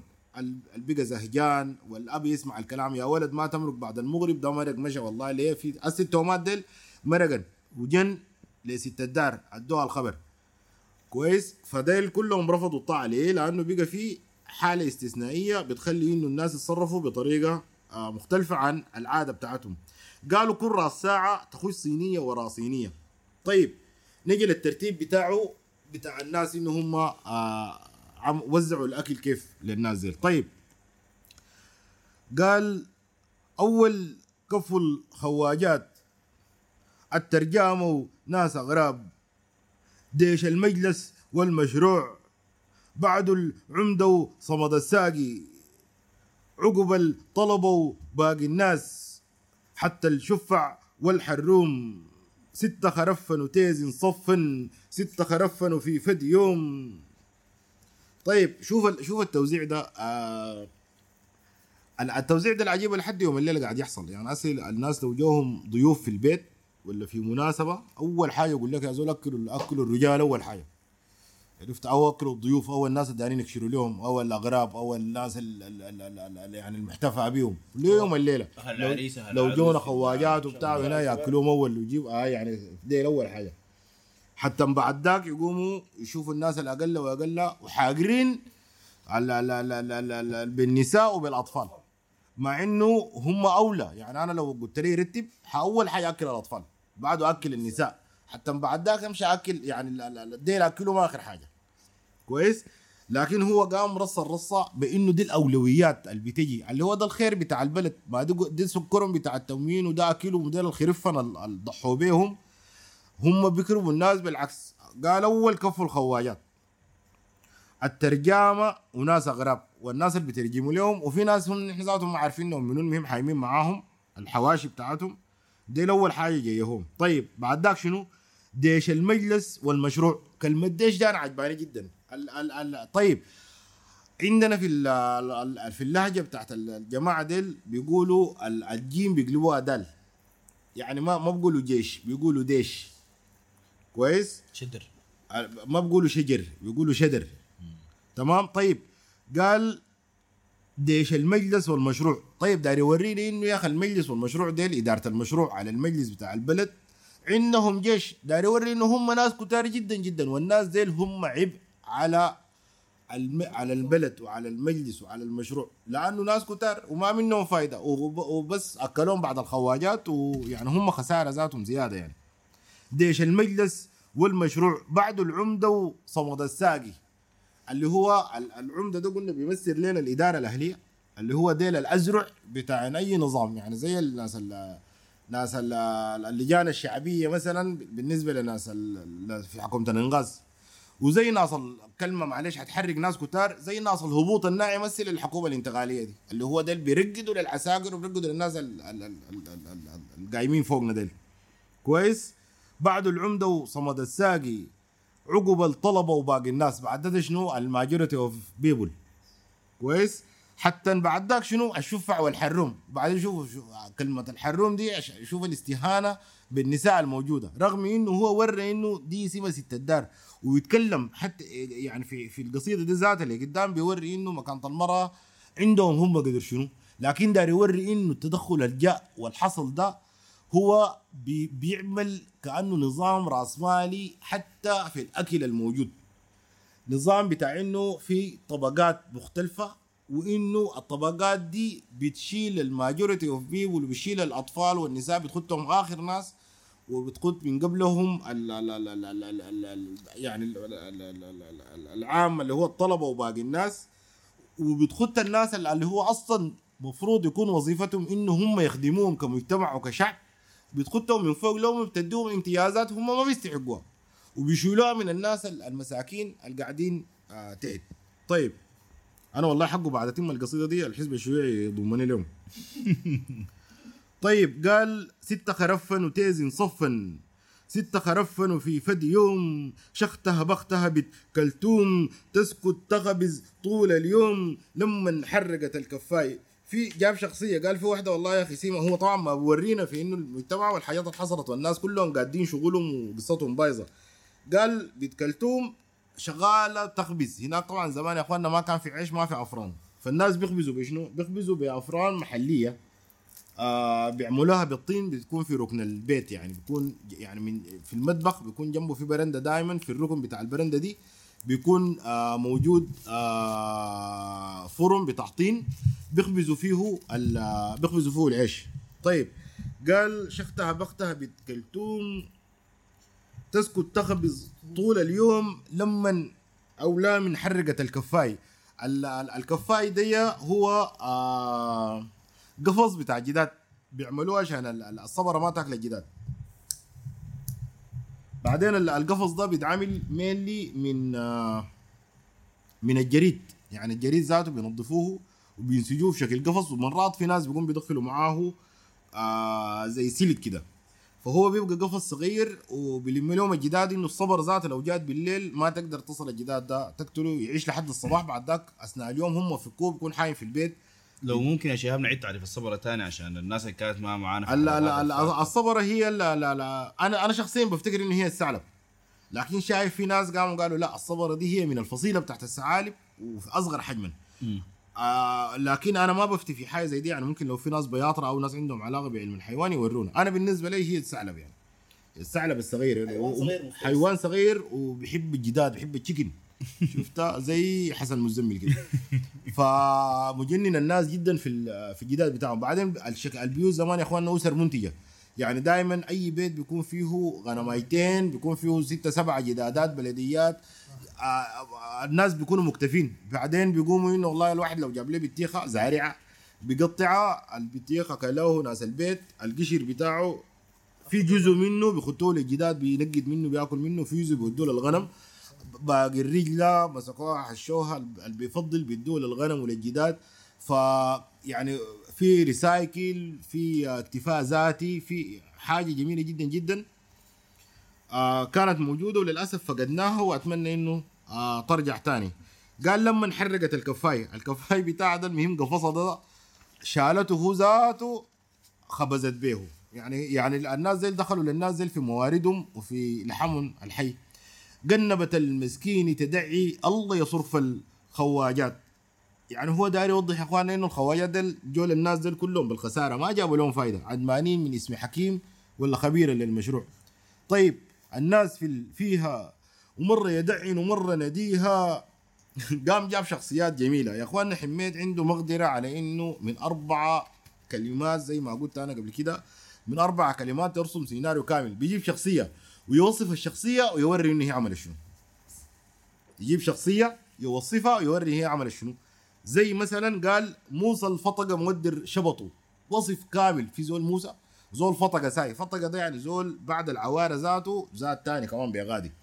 عرفت؟ بقول لك الزول فطقة ما بيعرف يتكلم ولا بيعرف يتصرف ولا أي حاجة. لدرجة إنه مودر شبطه. ما الاقي الشبط بتاعه. يعني زول أكثر من إنه طبعا عندنا أنا عند أصحابي كنت ارجع يودروا شبطهم فما بقدر أسيء يعني أكثر من كده يعني. لكن المهم هم فطقات يعني حتى إذا هم ما عارفين يعني. طيب قال ود معيوق وبنان الغلطوا. جاب له شخصيتين. كويس قال الشخصيتين دول متغلطات. والحاجة دي والله قاعد تحصل وأنا شفتها كثير جدا جدا.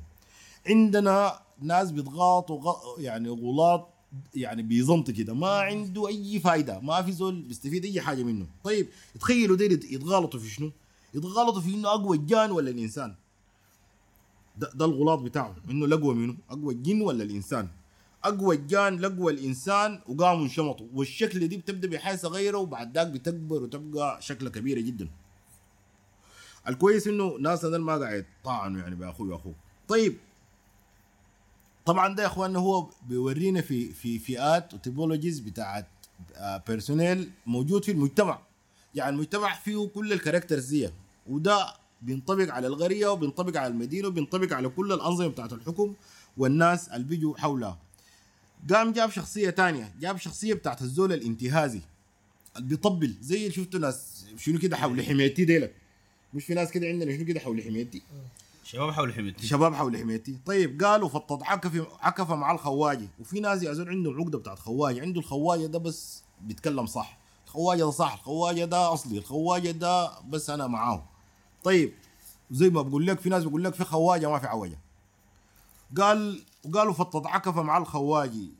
الخواجي يقوم عكف يصفق. يرقد يقعد عكف يصفق طق طق طق. يسكت يرطن عكف يصفق طق طق طق. قام العمدة وشيه تغير حمر فيه عيونه طير. الخواجي مرق يتسير صفق عكف العمدة تحير. في زول أي حاجة يقول الخواجة طوال يصفق له. تدفعوا الديون. طق طق طق أيوه كلام صح. إنتوا والله يا أخي دشيلكم من غايمه الارهاب طق طق طق يصفق. يا أخي نحن ما إرهابيين. أنت بشوف الارهابي منو؟ سوقه وشيله خليه يدفع لك. الديون دي حقت الكيزان ما حقتنا نحن كشعب. نحن ما لا قم لا وين مجرمين لا وين إرهاب ولا نحن إرهابيين ولا بنعمل أي حاجة. لكن في زول لا الخواجة يقول تدفعوا الغرامة يقول أيوه هذا كلامه صح ندفع الغرامة لقطوا يا أخواننا الغرامة. اللي يقول والله يا أخي نحن تطبعوا عشان نشيلكم من الغايمة بتاعت الدول الراعي الإرهاب أيوه والله ده كلام صح نطبع عشان نحن طبعا العنايه ففي الزول الامعه لأي حاجة بغض النظر عن إنه هي صح غلط في مصلحته ما في مصلحته. فقام ضربوا اجتماعيا بال. ب... ب... بعكفه ده عكفه ده قال الخواجة يقوم يصفق. يرقد يصفق. يقعد يصفق يرطن اللي هو بالنسبة له كلام ما مفهوم هو ذاته ما فاهمه قال شنو زي أنا مرة في لاعب في فريق كبير سوداني قاعد يتكلم قال لهم ده حاضروا أنا قال لهم والله يا اخواننا أنا الخواجة ده ما قاعد أفهم كلامه قال لي يا زول أنت الخواجة ده بزعل له فيه ود عينه وهز له راسك وخش جوا ألعب كورتك فده نفس الحكاية الزول ده بس الزول ده يقول لي كلام يقول له صح. طيب يسكت يرطن. يس يسكت يرطن عكف يصفق. طيب قال حتى العمدة العمدة ده ذاته هو ما نحن ما قلنا ده ده الدراع اليمين بتاع الأنظمة الشمولية دي. لأنه هو بيمثل جحفر وبيمثل ال ال ال ال الإدارات الأهلية وال والجهل بتاع يعني الجهل بتاع القادر على تغليب مصلحة ال الراكب على المركوب.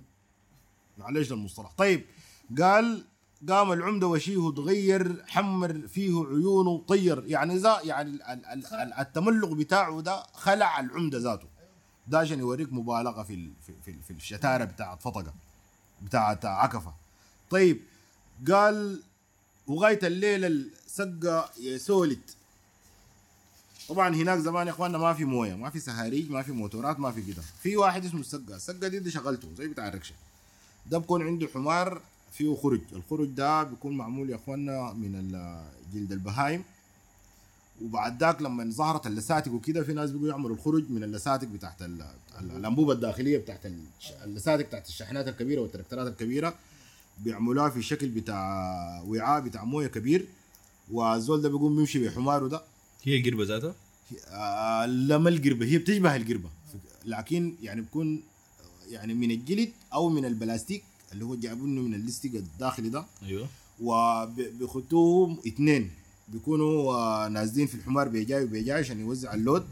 وبيمشي بيملوهم بالجوز اللي هو صفيحتين. بيم- بيملوا الخ- ال- ال- الخروج ده وبيجيبوه الزول اللي بيعمل ده ده بسموه السقا. السقا دي انت بتيجي تتفق معاه تيجي تقول له والله أنا عندي أزيار أملاهم لي وعندي مثلا آه، قربة وبراميل وحياه زي دي كده. فأنت بتتفق معاه دي الفاتورة بتاعتك بتاعت الموية.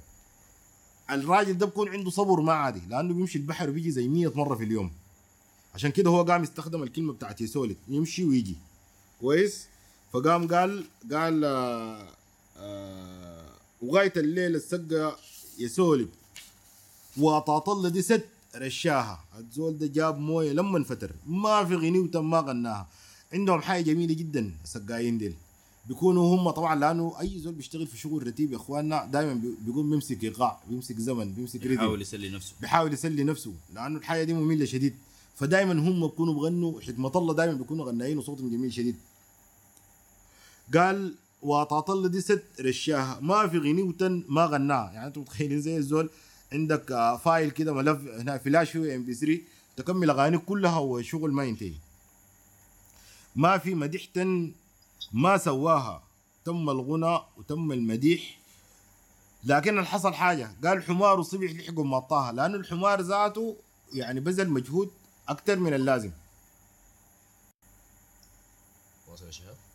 طيب قال حمار وصبح لحقوا مطاها دمع سب الأمريكان. طيب قبيل كان ملاحظين كان بس بيقول خواجات. هنا ور الخواجات دي من وين؟ قال والله ده الأمريكان. يعني لاحظين أنتم ملاحظين الناس كل الأفراد بتاع المجتمع الموجودين وكل الشخصيات غير غير الشخصيات اللي بتصفق الناس اللي عندهم موارد ذاتية واحدة ديك حرقت الكفاي بتاعها اللي هو قلنا القفص وده حمار ومات. والمهم الناس دي كلهم يتبشتنوا وديك عملت لها ستة جرارة والمهم ال- ال- ال- ال- يعني الشغلانية ده خشت على الناس في لحمهم الحي. وسبوا الأمريكان والخواجات ديل. قال جنسي بنا جنسي بدع زولك ده يحير. ينزع توب فوق توب ويغير. توب الفلهمة تلقيه جرجر توب الدين شفاف وقصير. تقع الحارة مراقبه تغرب عند الجد كان أدى ينقنق. وقت الفارغ يشيله يبعزق وكل الحل مدود ملاري.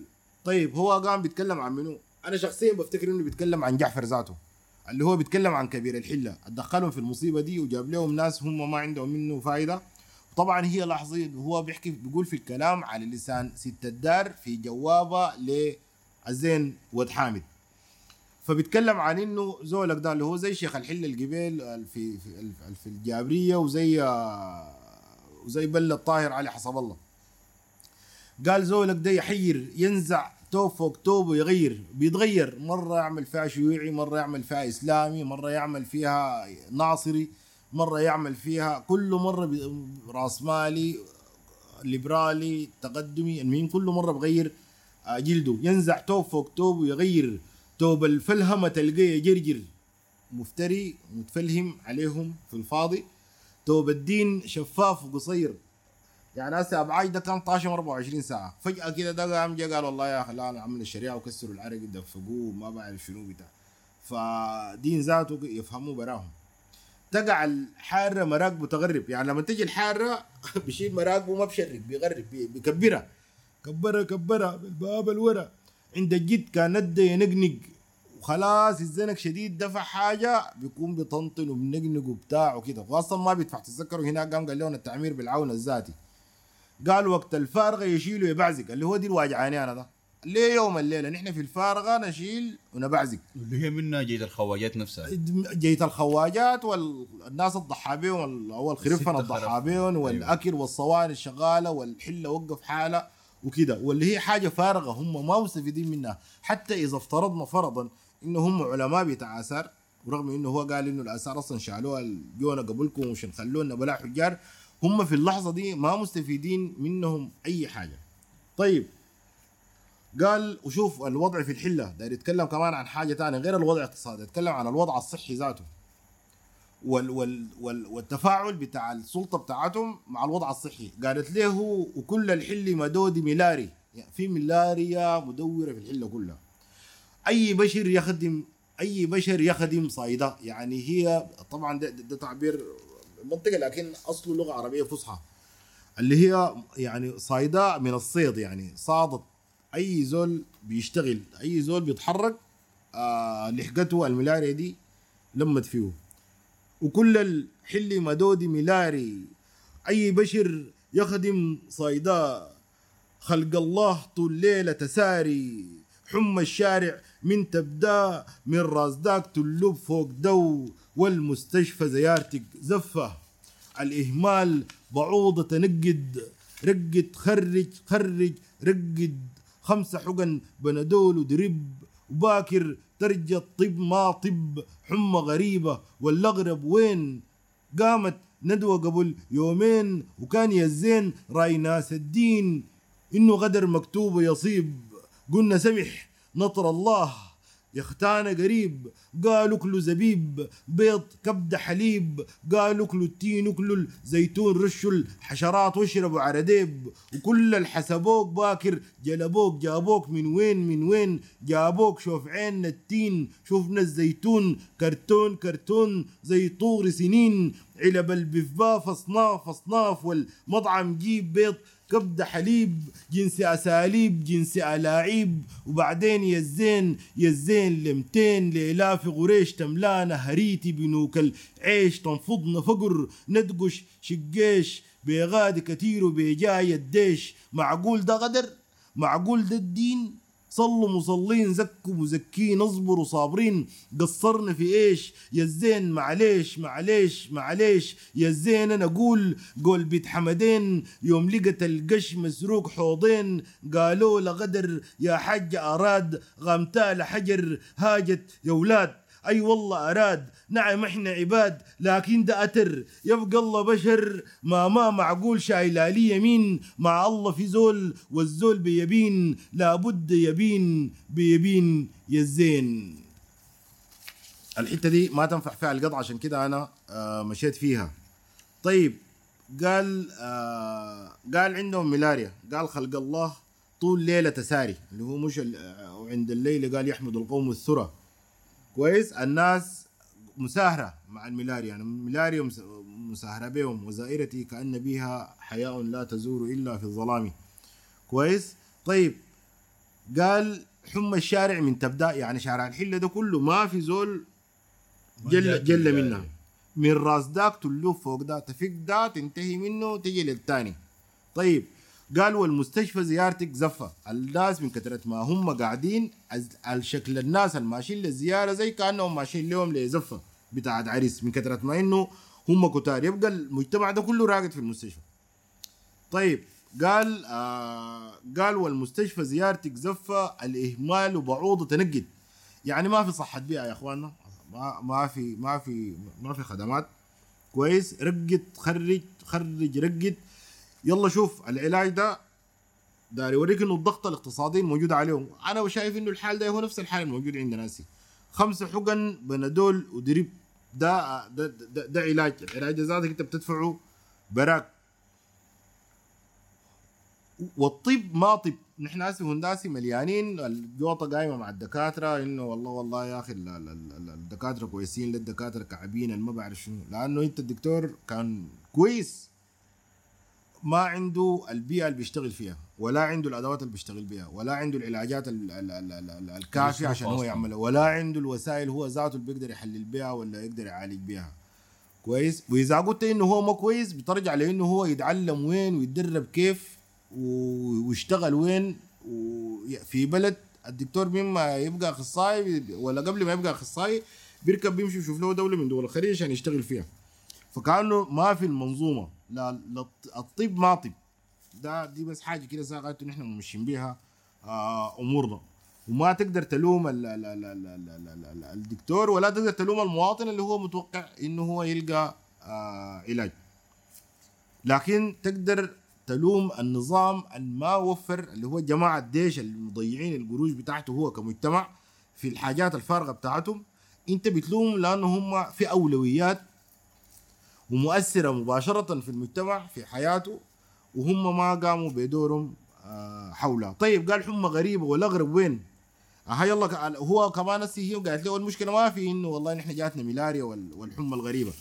قالت لها الغريبة إنه قبل يومين كان يزين كان في ندوة. الندوة دي ناس ناس الدين قاموا قالوا شنو؟ ناس الطلس. قالوا يا أخوانا ده قدر مكتوب ويصيب يعني. يعني حكايه انه لن يصيبنا إلا ما كتب الله لنا أو قال اعقلها وتوكل ولا يعني المهم أنت يعني يعني الحياة اللي أنت ممكن تعملها عشان ما تجيك الحاجة دي لا لا ده كله نكروه. قالوا شنو؟ قالوا والله ده قدر يا إخواننا وجايكم جايكم. يعني شنو الموضوع ده جاي من فوق ده ما حقكم. يعني إحنا عملنا ما عملنا الشغل ده جايكم. طيب. قلنا سمح نطر الله. أوكي قلتوا أنت كده خلاص نحن نطر الله.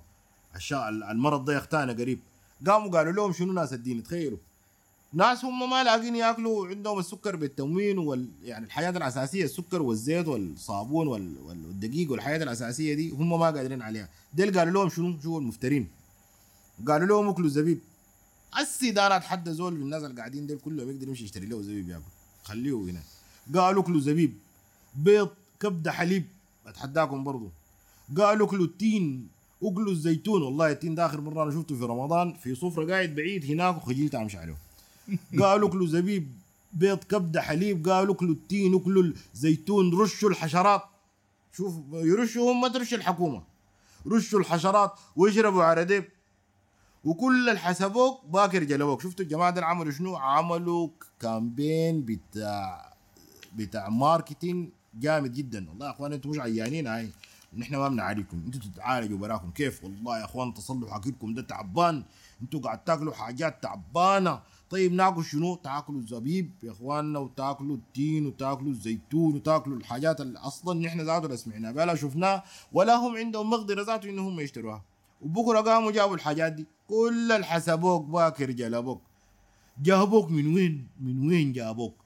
الكلام ده نحن ما لاقين أنتوا جبتوه من وين؟ جابوه لأنه قالوا لهم والله أنتوا عشان تبقوا كويسين شوفوا الاستغلال ده. وده طبعا هو يا إخواننا لما نيجي نمسكها سياسيا هو بيتكلم عن الرأسمالية. الرأسمالية بتزيد الغني غنى وبتزيد الفقير فقر.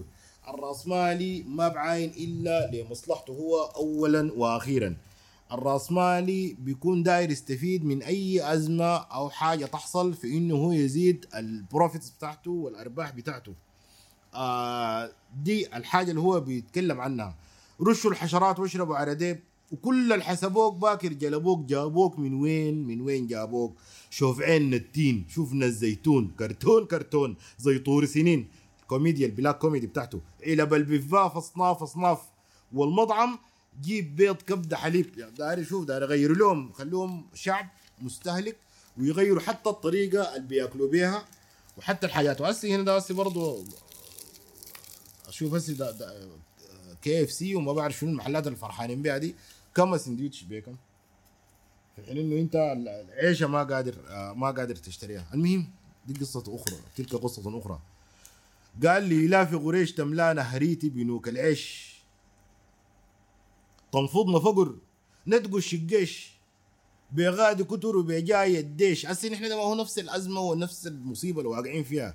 بجاي تقبل تلقى الجيش قاعد ببرهان وكباش. تقبل كده تلقى حميتي قاعد بناس الشتر اللي بكفتوا كل يوم في زول وبدقوا في الناس وبيحموا حتى وزير شنو كده ده ما أعرف الثقافة ولا شنو إنه يخش الإذاعة بدقوا لهم زول في الطرمبه والمهم. ده ده خليك من الكتل وشنو شنو كده. ديل ديل ده كوم. تجي تعايل لناسنا اللي هو ديل خلاص ديل نحن ديل ناسنا تلقاهم برضو يا هم فيهم فطقة وفيهم فط العكفة وفيهم آه، كل ال- ال- النماذج اللي هو جابها دي انت بتلقاها موجودة في الناس اللي نحن محسوبين علينا ديل قصرنا في إيش؟ قال قال قال آه، وبيجاي الديش معقول ده غدر؟ معقول يا أخوانا الكلام ده غدر؟ ولا في حاجات ممكن تدعمل نطلع من الحتة دي؟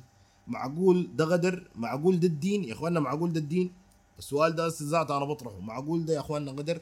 هل هل ده الدين اللي بيحصل لنا نحن ده ذاته؟ خليك من اللي بيحصل سنة 71 و 72 معقول ده الدين؟ قال صلوا مصلين، نحن والله مصلين، زكوا مزكين، أصبروا صابرين، قصرنا في إيش؟ يا الزين معليش معليش معليش. طيب قامت قالت له قالت له يا الزين وزي ما بيقولوا الخواجات قالت له أنا ايكوت ها؟ قالت له أنا داير أقوم أقول لك كلام بتاع بتاع بتاع بيت حمدين. بيت حمدين دي قالت لها حصل لها موقف. يعني بتفتكر إنه بيت حمدين كلامه بيمثل بالضبط الحاجة الحاصلة. طيب بيت حمدين حصل شنو؟ بيت حمدين دي يا إخواننا باختصار عندها حوض بتاع بتاع بتاع ماعش بتاع قش أو برسيم أو كده. زار عليها حاجة عندها حوض. طيب قامت جات لقت الحوض ده مسروق. أول حوضين ده جات لقيتهم مسروقات. طيب ما لقيتهم مسروقات بس لقيت في أثر حق الزول الجا طبعا هناك يا إخواننا أهلنا في البلد ديل بيعرفوا الأثر يعني من ال... الأثر ده باروه طق بوصلوه حتته. كويس بيعرفوا أثار الناس ده أثر مرة ده أثر رايل ده أثر شافع ده أثر زول كراعه فيها مشكلة وزنه ثقيل وزنه خفيف مرة حامل كل الحاجات دي بيعرفوها بيعرفوا الأثر يعني. وعندنا ناس خبراء في الحياة دي ومعظم الناس بيعرفوا الحاجات دي. كويس؟ قالت له يا زين أنا أقول قول بيت حمدين. حمدين دي عندها حوضين السرقوا لكن لقت اثر قاموا جو شبكوا لك شنو؟ قال يا حاجة ده غدر غدر من الله. قامت هي ما مسكينة. عشان أوريك إنه هناك المرأة عندنا فاهمة كيف. ما مسكينة ما استسلمت الموضوع ده وخلاص دارين يرهبوها دينيا يقولوا لا والله يا أخي ده غدر من الله وخلاص احتز به زي ما بيقولوا الكيزان. كويس؟ قالت لهم يا اخوانا ده أثر أثر بتاع زول حرامي سرق القش بتاعي. أنا زول مؤمنه وبتاع اي حاجة. لكن ده اثر يا تقولوا لي الله الله ما سرق الحوض ده سرقوا زول. والزول ده كان باري الاثر بنعرفه هو منه فما ما- يعني ما تطلصونا ساكن يسوقونا بالخلا. عشان كده قالت له تلخيصا للكلام الفات قالت له يا زين أنا أقول قول بيت حمدين يوم لقت القش مسروق حوضين قالوا له غدر يا حجة أراد. ده الله أراد يا حجة قامتا لحجر يا زول زول كان داك سايرة فوق قايمة واقفة قناة. كويس؟ غامتا لحجر. هاجت يا أولاد أيوه الله أراد. نعم إحنا عباد. لكن ده أتر. يبقى الله بشر. يعني الله ده جا حش الحوضين ده البراو ما ما معقول. شايل لي يمين. مع الله في زول.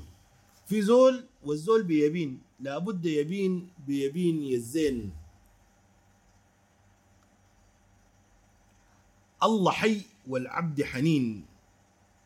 إن ذكرت كلامك لي طبعا التسجيل المعمول في الجزء الجزء الفات ده كله ما ما, مذكور فيه. بيبدأ من هنا. من ذكرت كلامك لي إنه في ناس لاعبين بالدين وناس لعباب الأمريكان. الله يصر في الأمريكان. الله يصر في الصرفي كان ما خلوني نشتك منك. كيف حالك والخرطوم؟ كيف المصنع والعمال؟ حالهم لسه نفس الحال. وما رقوك سووك باش كاتب يورينا الله زيادة الراتب. ليك سنتين يا زين اشمعنا ما لميت في بيت يجمعنا؟ أختك قالت جاية 200 وكيف أخبار المغتربين؟ المدة زين طالت ما لا سلم لنا على ال... سلم لنا على العزابه و... وأي إنسان الناس صالاه من سور سور كو... كوبر وليش لا؟ قول له صحانتك بكرة تفت. أي الزين زغرت ما قلت لك. طيب. يلا قامت. قلبت قلبت في موضوع تاني. ما هو برضه داري شايل الحاجات. بيمشي سياسة بيرفع السياسة لحد البيك بتاعها اللي هو بتاعت آه الكلام بتاع ال- ال- ال- بيت حمدين. بعد ده قامت قالت له وديلك طبعا ملاحظين الحركة الكفاي نعلت الأمريكان ونبذتهم ونبذت الخواجات وال- والحمار مات برضه آه، لعن الأمريكان والخواجات. بقى إنه هي ذاتها دايرة تلعن ال- ال- الخواجات. لكن لعنتهم في شنو؟ إنه قالت له يا أخي الناس زي قالت له حينا شوف الحنية. الحنية طبعا داس صدام بيكون رقد قش. قالت له حينا يا أخي الله ينعل على الأمريكان. ما خلوني سألت منك. حي شوف الحنية دي كيف ها؟ ما خلوني ما خلوني نشتك منك. قبالة معلش قالت له ان ذكرت كلامك لي إنه في ناس لاعبين بالدين. يعني اللي هو ديل ديل الفئات ال- اللي بيفتكر هم سبب الأزمة. إنه في ناس لاعبين بالدين وناس لعباب الأمريكان. وفي ناس يا هو مرتهنين للراسمال ولل- للغرب وللأجندات الخارجية. اللي هو أسي نحن بتاخذ عندنا أشكال كثيرة ليه لحد يومنا ده. الله يصرف الأمريكان. الله يصرف الصرفيكان. ما خلوني نشتك منك. قامت انتقلت نقلة ثانية ورته الأخبار. اللي هو ده الخطاب بتاعها مش؟ ورته أخبار البلد وحكت له القصص كلها بشماره وبانطباعاته وبتحليله وبآراء. كله انتهت منه. بعد ذاك جدت تزعلوا ونبذت له الامريكان إن هم ذاتهم ما خلوها إن هي تزعل منه. قامت قالت له يا أخي أنتوا ها أنتوا بهناك كيف انكم يا أخواننا؟ ما ساعدت منكم. قالت له ما خلوني نشتك منك. كيفين حالك والخرطوم؟ معناته زولنا ده قاعد وين؟ قاعد في الخرطوم. كيف المصنع والعمال؟ زولنا ده شغال عامل في مصنع. شوف شوف يا اخوانا حميد بدي الحاجات كيف.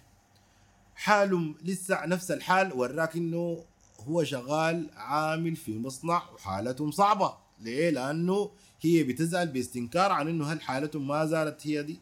وقالت له شنو؟ وما رقوك سووك باش كاتب يعني ما طورت شوية كده. بقيت آه، إداري بدل ما تكون عامل بس. يورينا الله زيادة الراتب.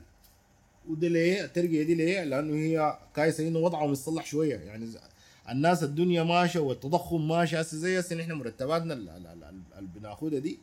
مع التضخم ده كل يوم نحن تنوم تصحى مرتبك ما هو مرتبك. لو حسبت مرتبك هسه وقبل خمسة شهور حتلقى إنك أنت بتاخد آه، أقل من نص مرتبك اللي كنت بتاخده.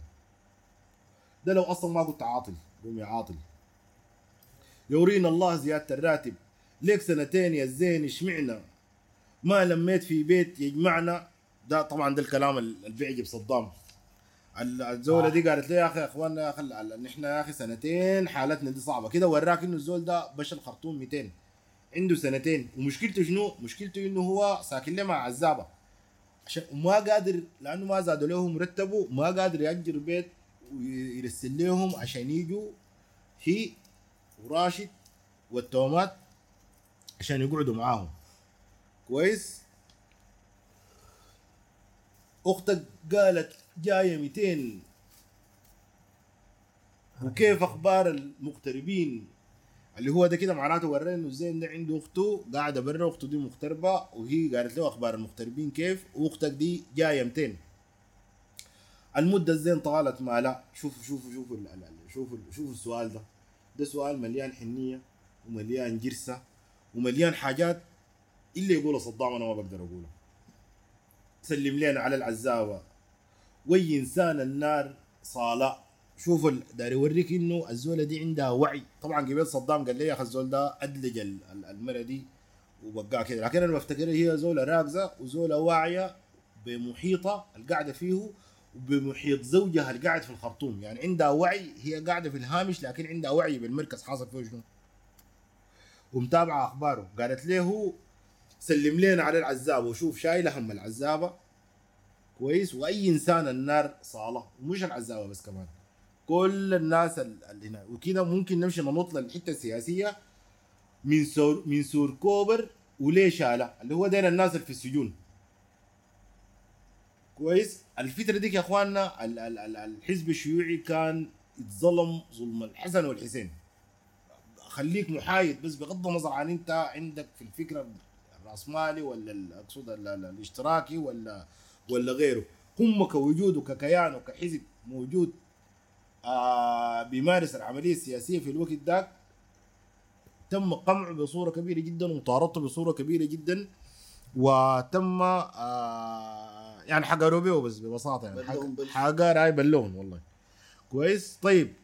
ودخلوهم السجون وحالتهم بقت صعبة وقصتهم بقت قصة. من سو كل وأي إنسان النار صالة من سو سور كوبر وليش لا قول له صحانتك بكرة تفت. ده تعبير بتاع إنه والله يا أخي يعني بكرة أمورك بتتظبط وأحوالك بتتصلح. قامت نطت لها نطه دي عشان الدراما بتاعت القصيدة وعشان التسبيكه بتاعتها والجمال بتاعها. قالت له أي الزين زغرد ما قلت لك. أفرح يا الزين زغرد التعبير بتاع استخدمته في حتة جميلة جدا. أي الزين زغرد ما قلت لك بنت زين جابت لها بنت هنا ده أنا بفتكر إنه هو داير يوري المكانة بتاعت البنت في المجتمع بتاعهم في الهامش بتاعهم في قريتهم الصغيرة البسيطة. ليه؟ لأنه هي أدت له كبشاره إنه هم فرحوا بالبت بتاعت بنت زين بنت بتاع بنت زين قالت له هي الزين زغرد ما قلت لك. بنت زين جابت لها بنت ستة قصاف حتى أنا اللي بتشوف الأولاد قالت عليهم قصاف. كويس لكن البنت فرحوا بها عكس ما بنلقى في مجتمعات كثيرة إنه هم بيحتفوا بالولد وما بيحتفوا بالبنت هنا هم محتفين. ها؟ الود ما بيكنس الرزق. لا ما خلاص ده بيوري إنه هم الثقافة بتاعتهم الموجودة إنه هم بيحترموا البنت بيفرحوا بيها وعندها مكانتها وعندها حتتها. كويس. اي الزين زغرد ما قلت لك بنت زين جابت لها بنت ستة قصاف حتى أنا البنت كيف الناس والحال عموم؟ والاستدراك ده لأنه يا أخوان دي الطريقة بتاعت الونسة. ده الجواب. إنك أنت بتتكلم وبتنط من موضوع لموضوع بتكون داير تقول أخبار البلد كلها وبتنسى لك خبر في النص. وتجي بعد ما أنت بديت تسأل تقوم تتذكر الخبر اللي أنت نسيته وتقوم تقوله في نص الكلام. ودي أفتكر بتدي آه واقعية وبتدي حميمية وبتدي فليفر ونكهه جميلة جدا جدا للقصيدة. هيا الزين زغرد ما قلت لك بالتام زين جابت لها بنت ستة قصاف حتى أنا البت كيف الناس والحال عموم والعزاب الكحيانين؟ سيد البيت عل ما كشاكم لسه تقعوا تقوموا براكم قلبي معاكم قلبي معاكم. ربي يخدر عود ضرعاتكم بالي معاك يا الزين وتحامد. بالي هناك والشوق الشوق. خلى شدير الجوف محروق. راجي مطيرة الزين وتحامد. يلا هنا ماشى تعمل في في, في ع- تعمل في لاندنج خلاص يعني ماشى لأنه هي تختم ال- ال- الجواب بتاعها. فقامت سألته من العزاب الكحيانين سيد البيت عل ما كشاكم هم كحيانين ويجارهم ذاته في تلتلة لدرجه إنه هم مهددين في أي لحظة إنه سيد البيت ذاته آه يطردهم يعني. لسه تقعوا تقوموا براكم قلبي معاكم ربي يخدر عود ضرعاتكم بألي معاك يا الزين وتحامد بألي هناك والشوق الشوق. شوف التعبير ال- ال- الاجتماعي الرومانسي اللطيف ده بالي هناك والشوق الشوق خلى شدير الجوف محروق. راجي مطيرة ال- الزين وتحامد أنا طبعا في ناس والله قالوا لي كلام يتيم بلص عديل في الحاجة دي لكن أنا ما مقتنع به وخليته. أنا باخذ الموضوع بالطبقة الأولى دي. نحن نصاحا زي واطاتنا. ده الدار تطمنوا إنه والله نحن ما عندنا عوجة. رغم الأخبار اللي أنا قلتها عليك دي لكن نحن كويسين. فبدأت تديه أخبار مطمنة شوية. قالت له نحن نصاحا زي واطاتنا. نحن نصاح إلا القراص والتجار والحاصل بحصل كل صباح. يعني نحن ما عندنا أي عوجة. بس مشكلتنا شنو؟ إنه في قراص والجشع بتاع التجار والمصايب اللي بتحصل اللي هو ال ال ال ال ال ال ال ال زي الجماعه الخواجات الجو زي البزخ اللي حصل والمصاريف اللي حصلت والكوارث اللي حصلت لهم بسبب ال ال- الحاجات الجات والحجة اللي طقت بين الجحفر والمحجوب. اللي هو دي سمته الحاصل بيحصل كل صباح. طيب بدأت تديه آه حاجات تاني بتوضح لنا وضعهم الاقتصادي بتوضح لنا إنه هم حاجات عندهم حاجات راجنها من فترة لفترة بتيجي تحل لهم مشاكل. يعني هسه مثلا الناس في الشمال دي بيعتمدوا على عموما يعني في كل القرى بيكون في حاجة موسمية بتحصل. يعني مثلا الناس القضار بيزرعوا السمسم من سنة لسنة محصوله ده يا هو بيقوم بناس فوق وبيقع بناس تحت وكده لكن المهم بيعمل حركة في السوق وبيمشي.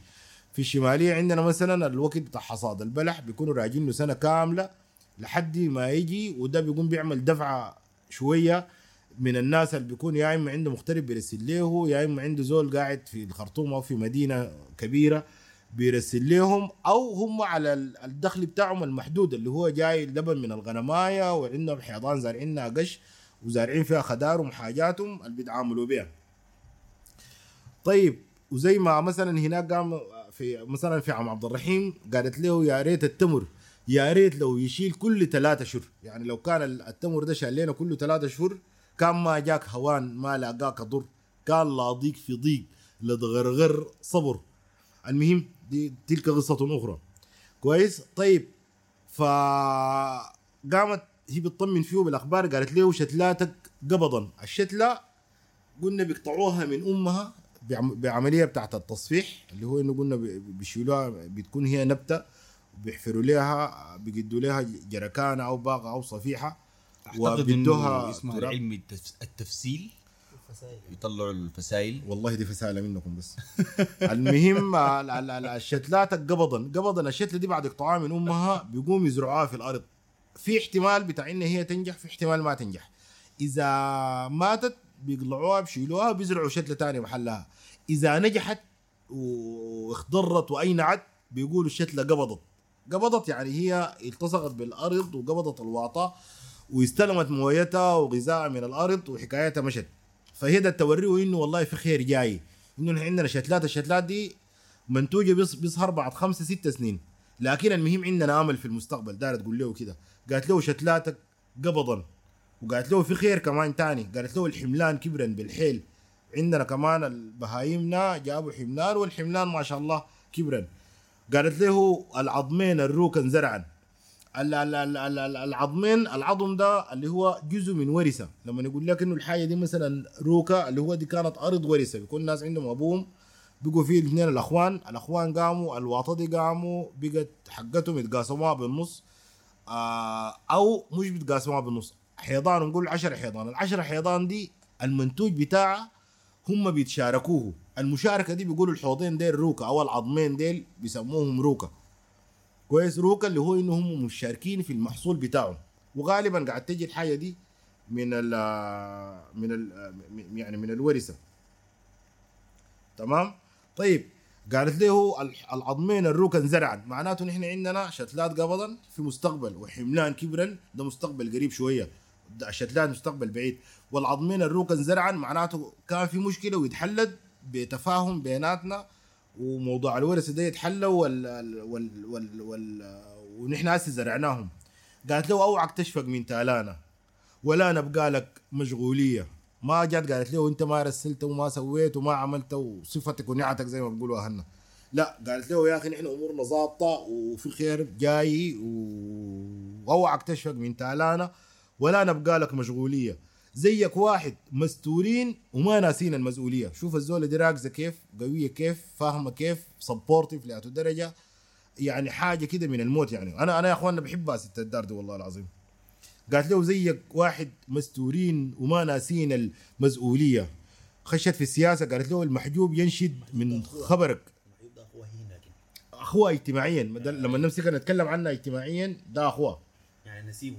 كويس؟ فبيزعل ونسيبه بيكون صاحبه. عادي ما في مشكلة. المحجوب ينشد من خبرك. شافعوا محسب من يومين. برضه هم مبلول مع الجماعة. التومات طيبات ونصاح. إلا هباش بالحيل الزين في روايات بيقول إلا غباش بالحيل الزين راشد كرر شهر اتنين كان ما جيت أنا ما بتطهر. الله يبعد العارض تعال. كان فت دور يدوك يا تعال طبعا دور ده ما فاهمه صدام. الدور ده اللي هو أسبوع يعني. يعني لو ادوك إجازة أسبوع واحد تعال لنا كويس؟ كان بالخصم إن شاء الله تعال وما تتوصى وداعة الله وداعة الله. قالت له أنا أوصيك من حاجات. قالت له أوعى البشغل والعربات والحكومة سمها فاير. ده حذرته من ثلاثة حاجات. البشغل ده طبعا في ناس تصدروا لي فيها تصدير كثير جدا. أنا عندي فيها نظرية والله. كويس. صدام ده قال ديل النسوان وديل بنات الخرطوم وما بعرف شنو بتاع. أنا شخصيا التومة دي بفتكر إنه أي حاجة تشغلك من قضيتك الأساسية من مكافحتك لإنك أنت تصبورت أسرتك الصغيرة وتصبورت البلد بتاعتك. وتصبورت الناس العمال المعاك والحقوق بتاعتهم والوطن بتاعك وحاجاتك الأساسية ومهامك الأساسية. لأنه في اللي قدام بتيجي تقول لي لو ما كنت الزين وتحصل قتالك يا هو قتالك. لو ما كنت الزين وتحامد كان حيكونك واحد غيرك. أي حاجة تعمل لك ديستراكشن أو تلهيك من ال- المشاغل بتاعتك ال- ال- الرئيسية آه، دي دي تختها. والعربات اللي هو الزحمة بتاعت الخرطوم ده لما نرجع للجانب الاجتماعي اللي هو بالحين خوفه عليه زيه زي أي طفل حقها أو على البشغل والعربات والحكومة سمها فاير لأنه الحكومة ده أصلا قاعدة راجاك بتلم فيك في زقاق آه بتبلك بتبلك ومضت الإمضة بتاعتها قالت له أم أولادك ست الدار بنت احمد جابر الله آه يعني يسترني مع الشيوعيين ومع محبين حميد في ال- الكلام الكلام اللي أنا قلته. له أم أولادك ست الدار بنت أحمد جابر. يعني دايرة تذكروا إنه أنا أم أولادك ما تنشغل مني بيكس الخرطوم عشان كده أنا اللي بيشغل دي قلت لك ده يكس بعيد حيكون صدام؟ والله نحن صدام ده اللي نعمل له حلقة براو لأنه يعني عنده رواية ابجيجيه تماما لست الدار دي بالمناسبة. فنحن ممكن نقول نخصص لها حلقة براها يعني. فافتكر نقيف هنا لأنه الزمن مشى حلقه وجعني وست الدار حقتي آه بعد ده بتقول لي أنت متأخر وين؟ لأن أنا بسجل في الاستوديو. وممكن الأسبوع الجاي نواصل الرسالة الثانية والثالثة والبرقيات. إذا الله سهل. شاكر ومقدر لحسن استماعكم. هو طبعا إحنا قطعنا أعتقد الرسالة الأولى هي الأطول والأكبر في ال في ال في ال في ال الأسبوع الجاي. قصيدة. إن شاء الله. آه لكن في في الأسبوع الجاي إن شاء الله الحلقة الجاية حتكون آه، يعني حتكون حناخد فيها حتى لو اضطرينا نبدأ بدري نص ساعة أو حاجة عشان نقطع أكبر شوط ممكن مع إنه ال- ال- ال- ال- الفحوى بتاع ال- القصيد الثاني السياسي تقيل شديد أو تقيل نسبيا. آه ونتمنى إنه نكون معانا نقدر كان المفروض يكون معانا في الحلقة بتاع ست الدار دي حتى لو عبر ال- ال- ال- زي ما بيقولوا ال- الأثير الأثير عن طريق الأثير أستاذ محمد سليمان اللي هو عاصر وحميد في اللي هو في مرحلة ال- اللي هي المرحلة اللي بنتكلم عنها اللي اتكتبت فيها ست الدار وبعض القصائد المهمة جدا جدا في في في حياته. آه ال ال ال ال ال الطرح الاقتصادي والطرح السياسي والاجتماعي اللي تقدم في في الجزء الأول من آه، ست الدار آه، اتكلم عنه شهاب بإسهاب زي ما بيقولوا بوضوح شديد وبشفافيه عالية في في في أبعاد كل الحاجة. الناس آه، نحن حنفتح الفرصة لو في أي إضافات أو زيادات أو تعقيب أو ما إلى ذلك على الجزء الأول بس على الجزء ال- ال- الأول من القصيدة. آه عشان بعد ذاك آه نمشي لل- لل- للحاجات.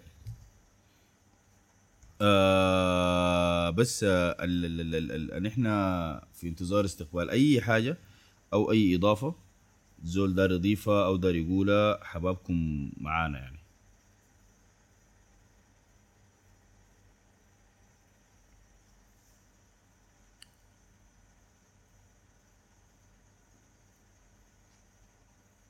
مازن قال لي إسهاب دي زي زم لشهاب لكن لا.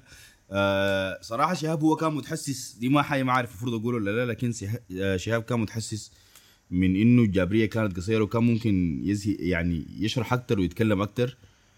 وح... ودي اللي شكرت له ذاته إنه هو كان خوفته زيادة من ست الدار إنه يتكلم عنها وكده. فهو قرر إنه بالنص اللي أنا قلته ذاته إنه يتكلم ويشرح ويفصل قدر ما يقدر وقدر ما هو فاهم حسب فهمه وحسب ال- الزاوية اللي هو شايف منها. يعني هي طبعا برضو بنكرر نحن إنه الحاجة ال ال ال الكلام اللي قلناه كله في خلال الساعتين اللي فاتت ما هو كلام قطعي ولا منزل ولا كذا. أي زول ممكن يكون كله إذا زول شايف كله غلط حيكون يعني عادي ما حيكون في مشكلة أو كذا.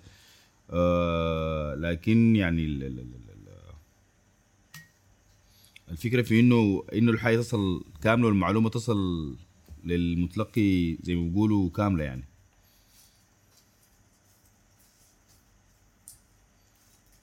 محمد كمان طبعا كالعادة ناس المطارقة. محمد كمال أيوه كالعادة. لا نظارتي مكسورة. ما اتكسرت بعد نسيت الدور اللي فات لكن المرة دي اتكسرت.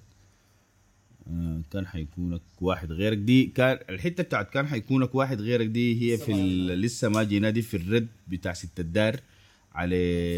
في الجواب الثالث هاي ده حيكون إن شاء الله بإذن الله تعالى الأسبوع الجاي هنتكلم عنها ب ب ب ب برضه ب ب ب ب بتفصيل أكتر يعني النص آه، حنجيبه كامل شهاب أنت النص انت كامل مش كده؟ أسي معاك ممكن ارسل لل- في إيميل عندي ممكن لل- خلاص. للناس. آه النص موجود حيترسل يا هنا آه يا في أي حتة. ده النص اللي لقيته أنا. ده النص اللي اتحصل عليه شهاب اللي هو ده أكبر نص اتحصل عليه في يعني بحثه. ممكن في واحد تاني زيادة في كده ممكن نفتش نلقى فبس آه، أحمد زنهوري بيقول إنه في website اسمه حميد dot com أنا قابلني ال website برضو. آه، حميد dot com قد يكون فيه النص كامل حسب ال recommendations بتاعت زنهوري. فممكن الناس ترجع لل- لل website. ال website صراحة فيه قصايد كلها ومكتوبة بشكل كويس وال وال وال والروايات فيه برضو بشكل بشكل كويس يعني. عليه لحظات حميد حميد dot com. أنا بديك H A M double M A D طيب في أي زول اضيف أي حاجة يا جماعة؟ عشان نقفل البوت بتاع التسجيل ونوقف هنا برضو التسجيل.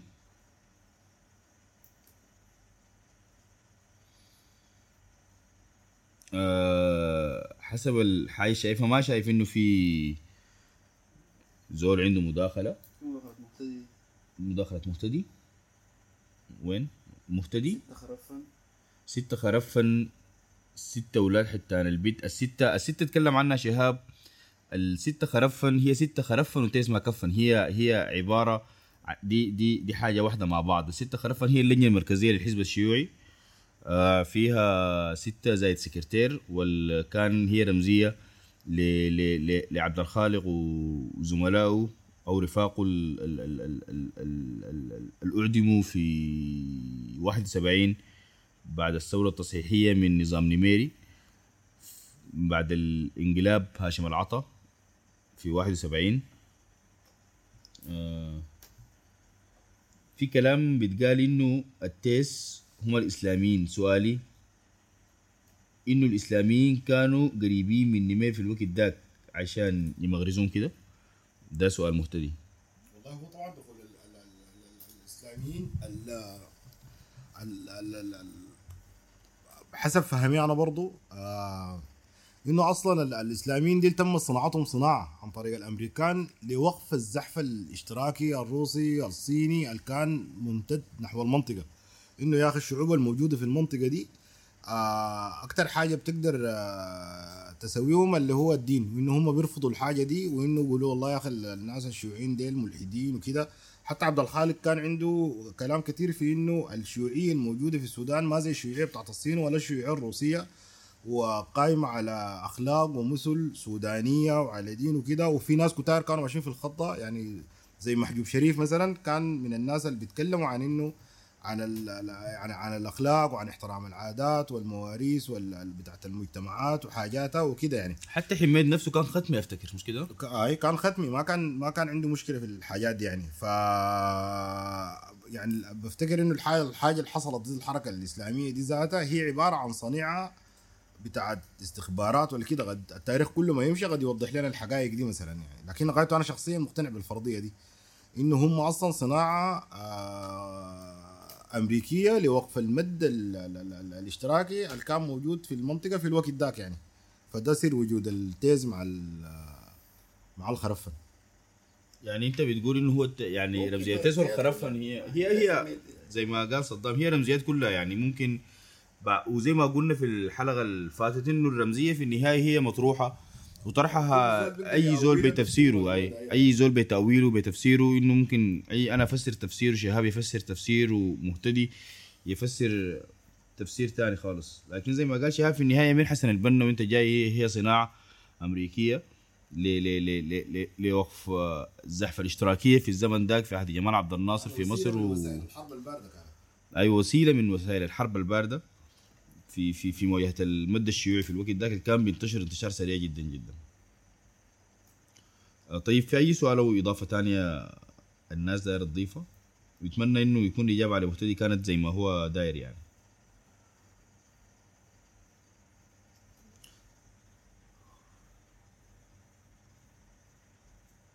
ال ال هل حماد عنده رأي برضه في الروس والصينيين باعتبارهم باعتبارهم خواجات برضه ولا بس الأمريكان عشان بيخالفوهم المبدأ. أنا بفتكر قبال ما يرد شهاب إنه أمريكا هي هي رمزية الإمبريالية الأساسية يعني ور- ورمزية الرأسمالية.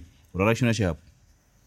أي هم أنا بفتكر إنه هم كانوا آه، ما متعصبين مثلا لل- لل- لل- للفكر الشيوعي كفكر شيوعي بدليل إنه هم كانوا بيعدلوا فيه آه، هم شاروا بس النظرية الاقتصادية اللي كانت بتضحط بصورة علمية تتفق أو تختلف معاها.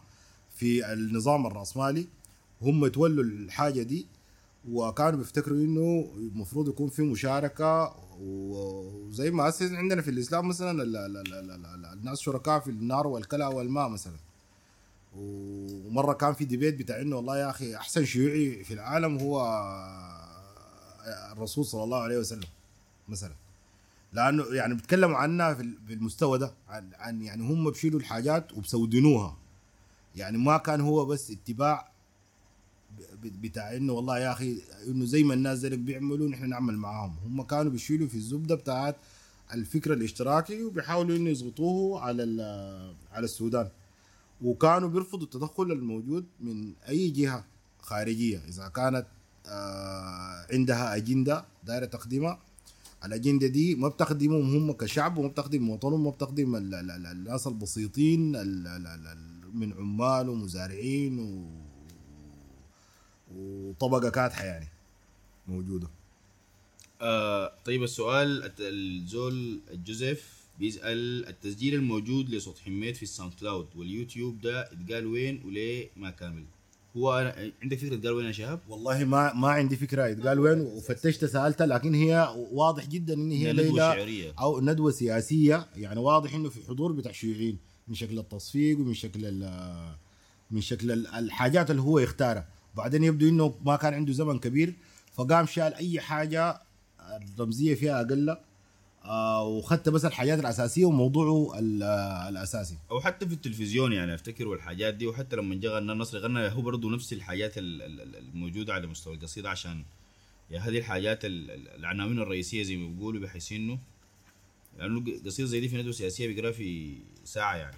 ما حيقرأ زي اللي هي زي الضوء هي التساب ديك بس ما ينفع يتقطع منها يعني لكن ما بتكون الزمن بكفي ودي ذاته أنا بفتكر إنه مقدرة ما عادية من حميد إنه هو بيعرف إنه كيف يختار الحاجات اللي يقولها يعني. عارف إنه يقول شنو لمنو 200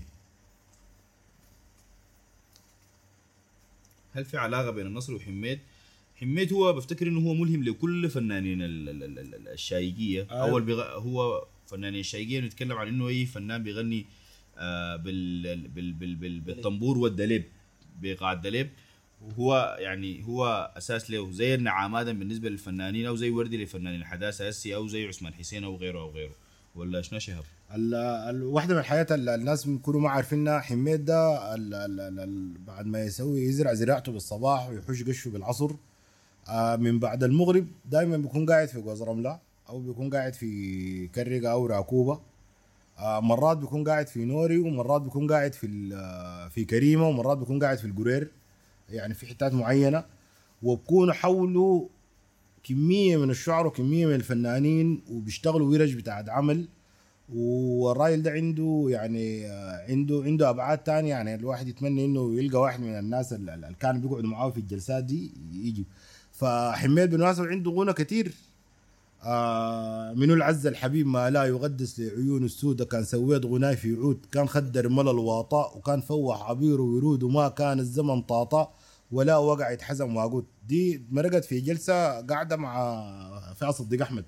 عملها سبتها رمية وكان بيقولها آه زعلان منك أي لأنك لا هببت غوافل شوقه ولا أكرمت رسائل جنك لا عوافي ولا كيفنك دي آه، كان آه، قاعدة في القرير مع ثنائي العمراب ولحنوها بحضوره هو ذاته وغنوها.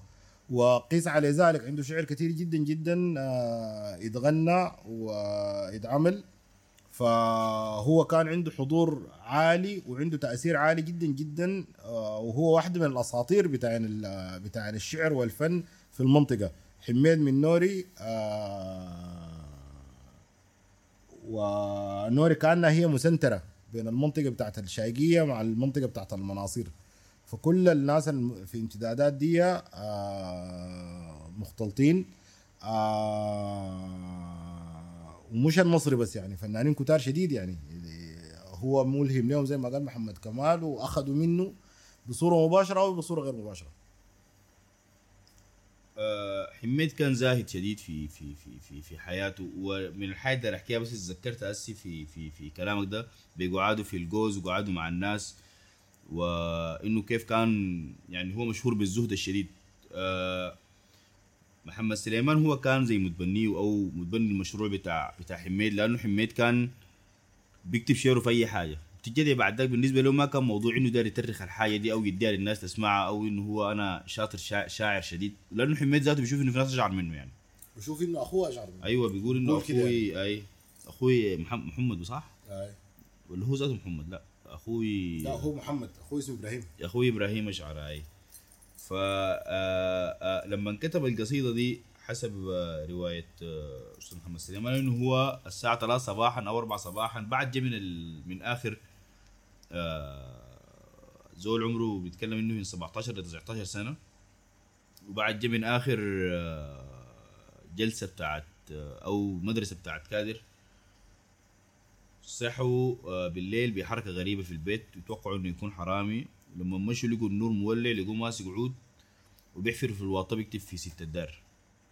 وبعد هم بيقوا بينقلوا مراه عشان عشان الحاجة دي. كان جات مطره صاير في اللحظة ديك ولا تراب ولا جزل ماشي عفص الكلام جزء من الكلام راح. هو زول كان يعني زي ما آه، شهاب بيقول إنه هو زول كان رسول يعني أو كان عنده نبوءة نبوءة خاصة به في الشعر وعنده إلهام خاص به في الشعر آه، بشكل متفرج متفرج يعني.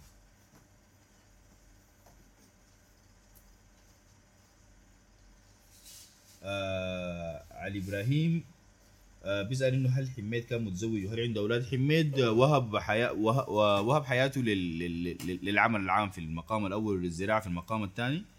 آه ما تزوج وزمان كان عنده مثل آه مشهور بيقول لي حتعرس 200 بيقول لي أنا بعرس بعد سد الحمداء بيقوم. والوقت ده كان سد الحمداء ده اللي هو اسس مروي آه كان يعني قصة صاي إنه كل مثلا غاز من جات كان بتقول إحنا حنسوي سد حنسوي سد لغاية ما سووه. بعد ذاك يعني هو بعد ذاته بابا بعد السد بزمن طويل ربنا يفتكره يعني زي ما بيقولوا. أنا بعتقد يعني تاريخيا إنه حزب البحث والحزب العربي الاشتراكي الناصري ما كانوا في الوقت ذاك عندهم وجود حقيقي في السودان بالشكل ال- ال- اللي هو ذاته يضحي بهم يعني. أنت رأيك شنو يا شهاب؟ والله أنا بفتكر إنه السيطرة أصلا كانت في الوقت ذاك للحزبين الكبيرين اللي هو الأمة والاتحادي اللي هو ده الأمة كان اللي هو السبورترز بتاع انه اللي هو الأنصار الناس اللي خلفيتهم بتاعت أنصار والاتحاد الديمقراطي اللي هو الناس اللي- خلفيتهم ختمية اللي هو ده كان ال- ال- الحزبين الكبيرين. بعدين قاموا لما جو الشيوعيين بدوا يدخلوا حكاية إنه في حزب عنده برنامج عنده مستند على فكر معين وحتى ال- ال- ال- ال- ال- ال- الجبهة القومية ولا اسمه شنو الكيزان دي برضه هم ناس عندهم فكر معين وطرح معين فديل قاموا صغار كده وحاولوا إنه هم يشقوا آه، طريقهم. بعد ذاك الجغرافيا بتاعت المنطقة آه هي يعني جابت حكاية الناصريين وجابت البحثيين لأنه كان في حكاية ال- الوحدة العربية والمد العربي و و و و وكده فعشان كده ده خلاني انه أنا آه، ارشح أو ارجح ال- ال- ال- ال- ال- ال- ال- ال- التاويل بتاع انه آه هو بيتكلم مباشره عن التضحيه بال- بالكوادر الناس اللي قتلوهم لأنه كانت حاجة مؤثره نحن بالمناسبه هن في الشماليه ولا بيعرفوا شيوعيين ولا بيعرفوا هنا ليه يوم الليلة الواحده كان حصلت لها حاجة ممكن تقول وب علي ممكن تقول وامر رفي الشفيع يعني كده حاجة بقت بقت قاعدة في نص الكلشر. يعني أنا الحاجة دي يعني سمعتها باضاني يعني من من ناس وسألتهم هم ما عارفين إنها جاية من وين. قالوا بس نحن لما تكون في مصيبة كده نقول وامر رفي الشفيع. فكان هو كان حدث آه عنده تأثيره كبير جدا و والتصفية كانت لأفراد وكانت مؤثرة شديد. والوقت ذاك هو كان كادر يا دوبه في ال- في الحزب الشيوعي وكانت الحياة دي مسيطرة عليه وجدانيا بصورة كبيرة شديد. فافتكر انه آه دي الحاجة اللي بتخليني اعتقد انه هو بيتكلم عن التضحية التمت بال أو التصفية التمت لل- لل- لل- للقيادات بتاعت ال- آه بتاعت بتاعنا الحركة مدنية وعسكريه الاثنين في ال- في الوقت ذاك يعني. ما بفتكر إنه كان الأحزاب لأن الأحزاب ما كانوا بنفس القوة كلهم يعني ما كانوا بنفس التأثير يعني. يعني وجودهم وثقلهم ما كان ما كان بيحلو آه، حتى واقعهم عند حميد زي ما قال صدام. طبعا أنتوا أعلم مني كثير بالحاجات.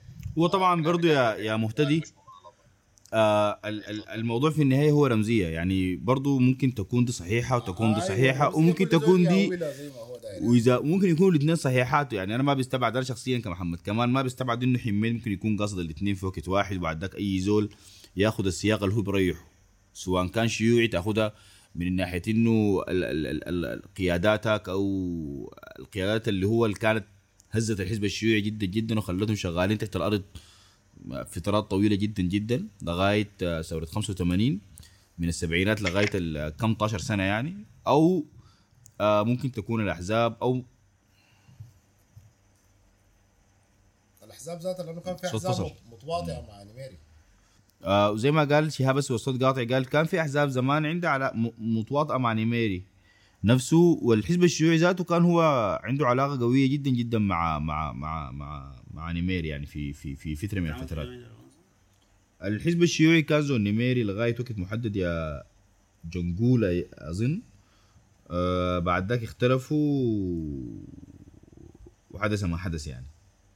لغاية ما يفتحوا لمهتدي المايك كان أحمد مامان بيسأل إنه ما عارف يتقال ولا لا وأي- ولا ولا هل في اي علاقه بين حميد والشيوعيين ولا الشيوعيين بيسموا حميد لهم سير نجي متاخر يعني إحنا قلنا قبيله ال- في اول تسجيل خالص في المقدمه بتاعت ال- ال- ال- ال- ال- ال- ال- الجلسه دي تكلمنا انه هو حميد كان منتمي تماما للحزب الشيوعي في وانتمى له في اوائل السبعينيات وكان آه، هو في عمره 17 ل 18 سنه لا 17 ل 19 سنة أنا نحن بس ما ضابطين ال- الفترة اللي اتكتبت فيها القصيدة يعني السنة بالضبط لكن هي اتكتبت ما بين 71 ل 73 وكان ساكن وين؟ قلنا كان ساكن في الشعبية وقتها وكان بياخد دورة الكادر في البوسطة أم درمان.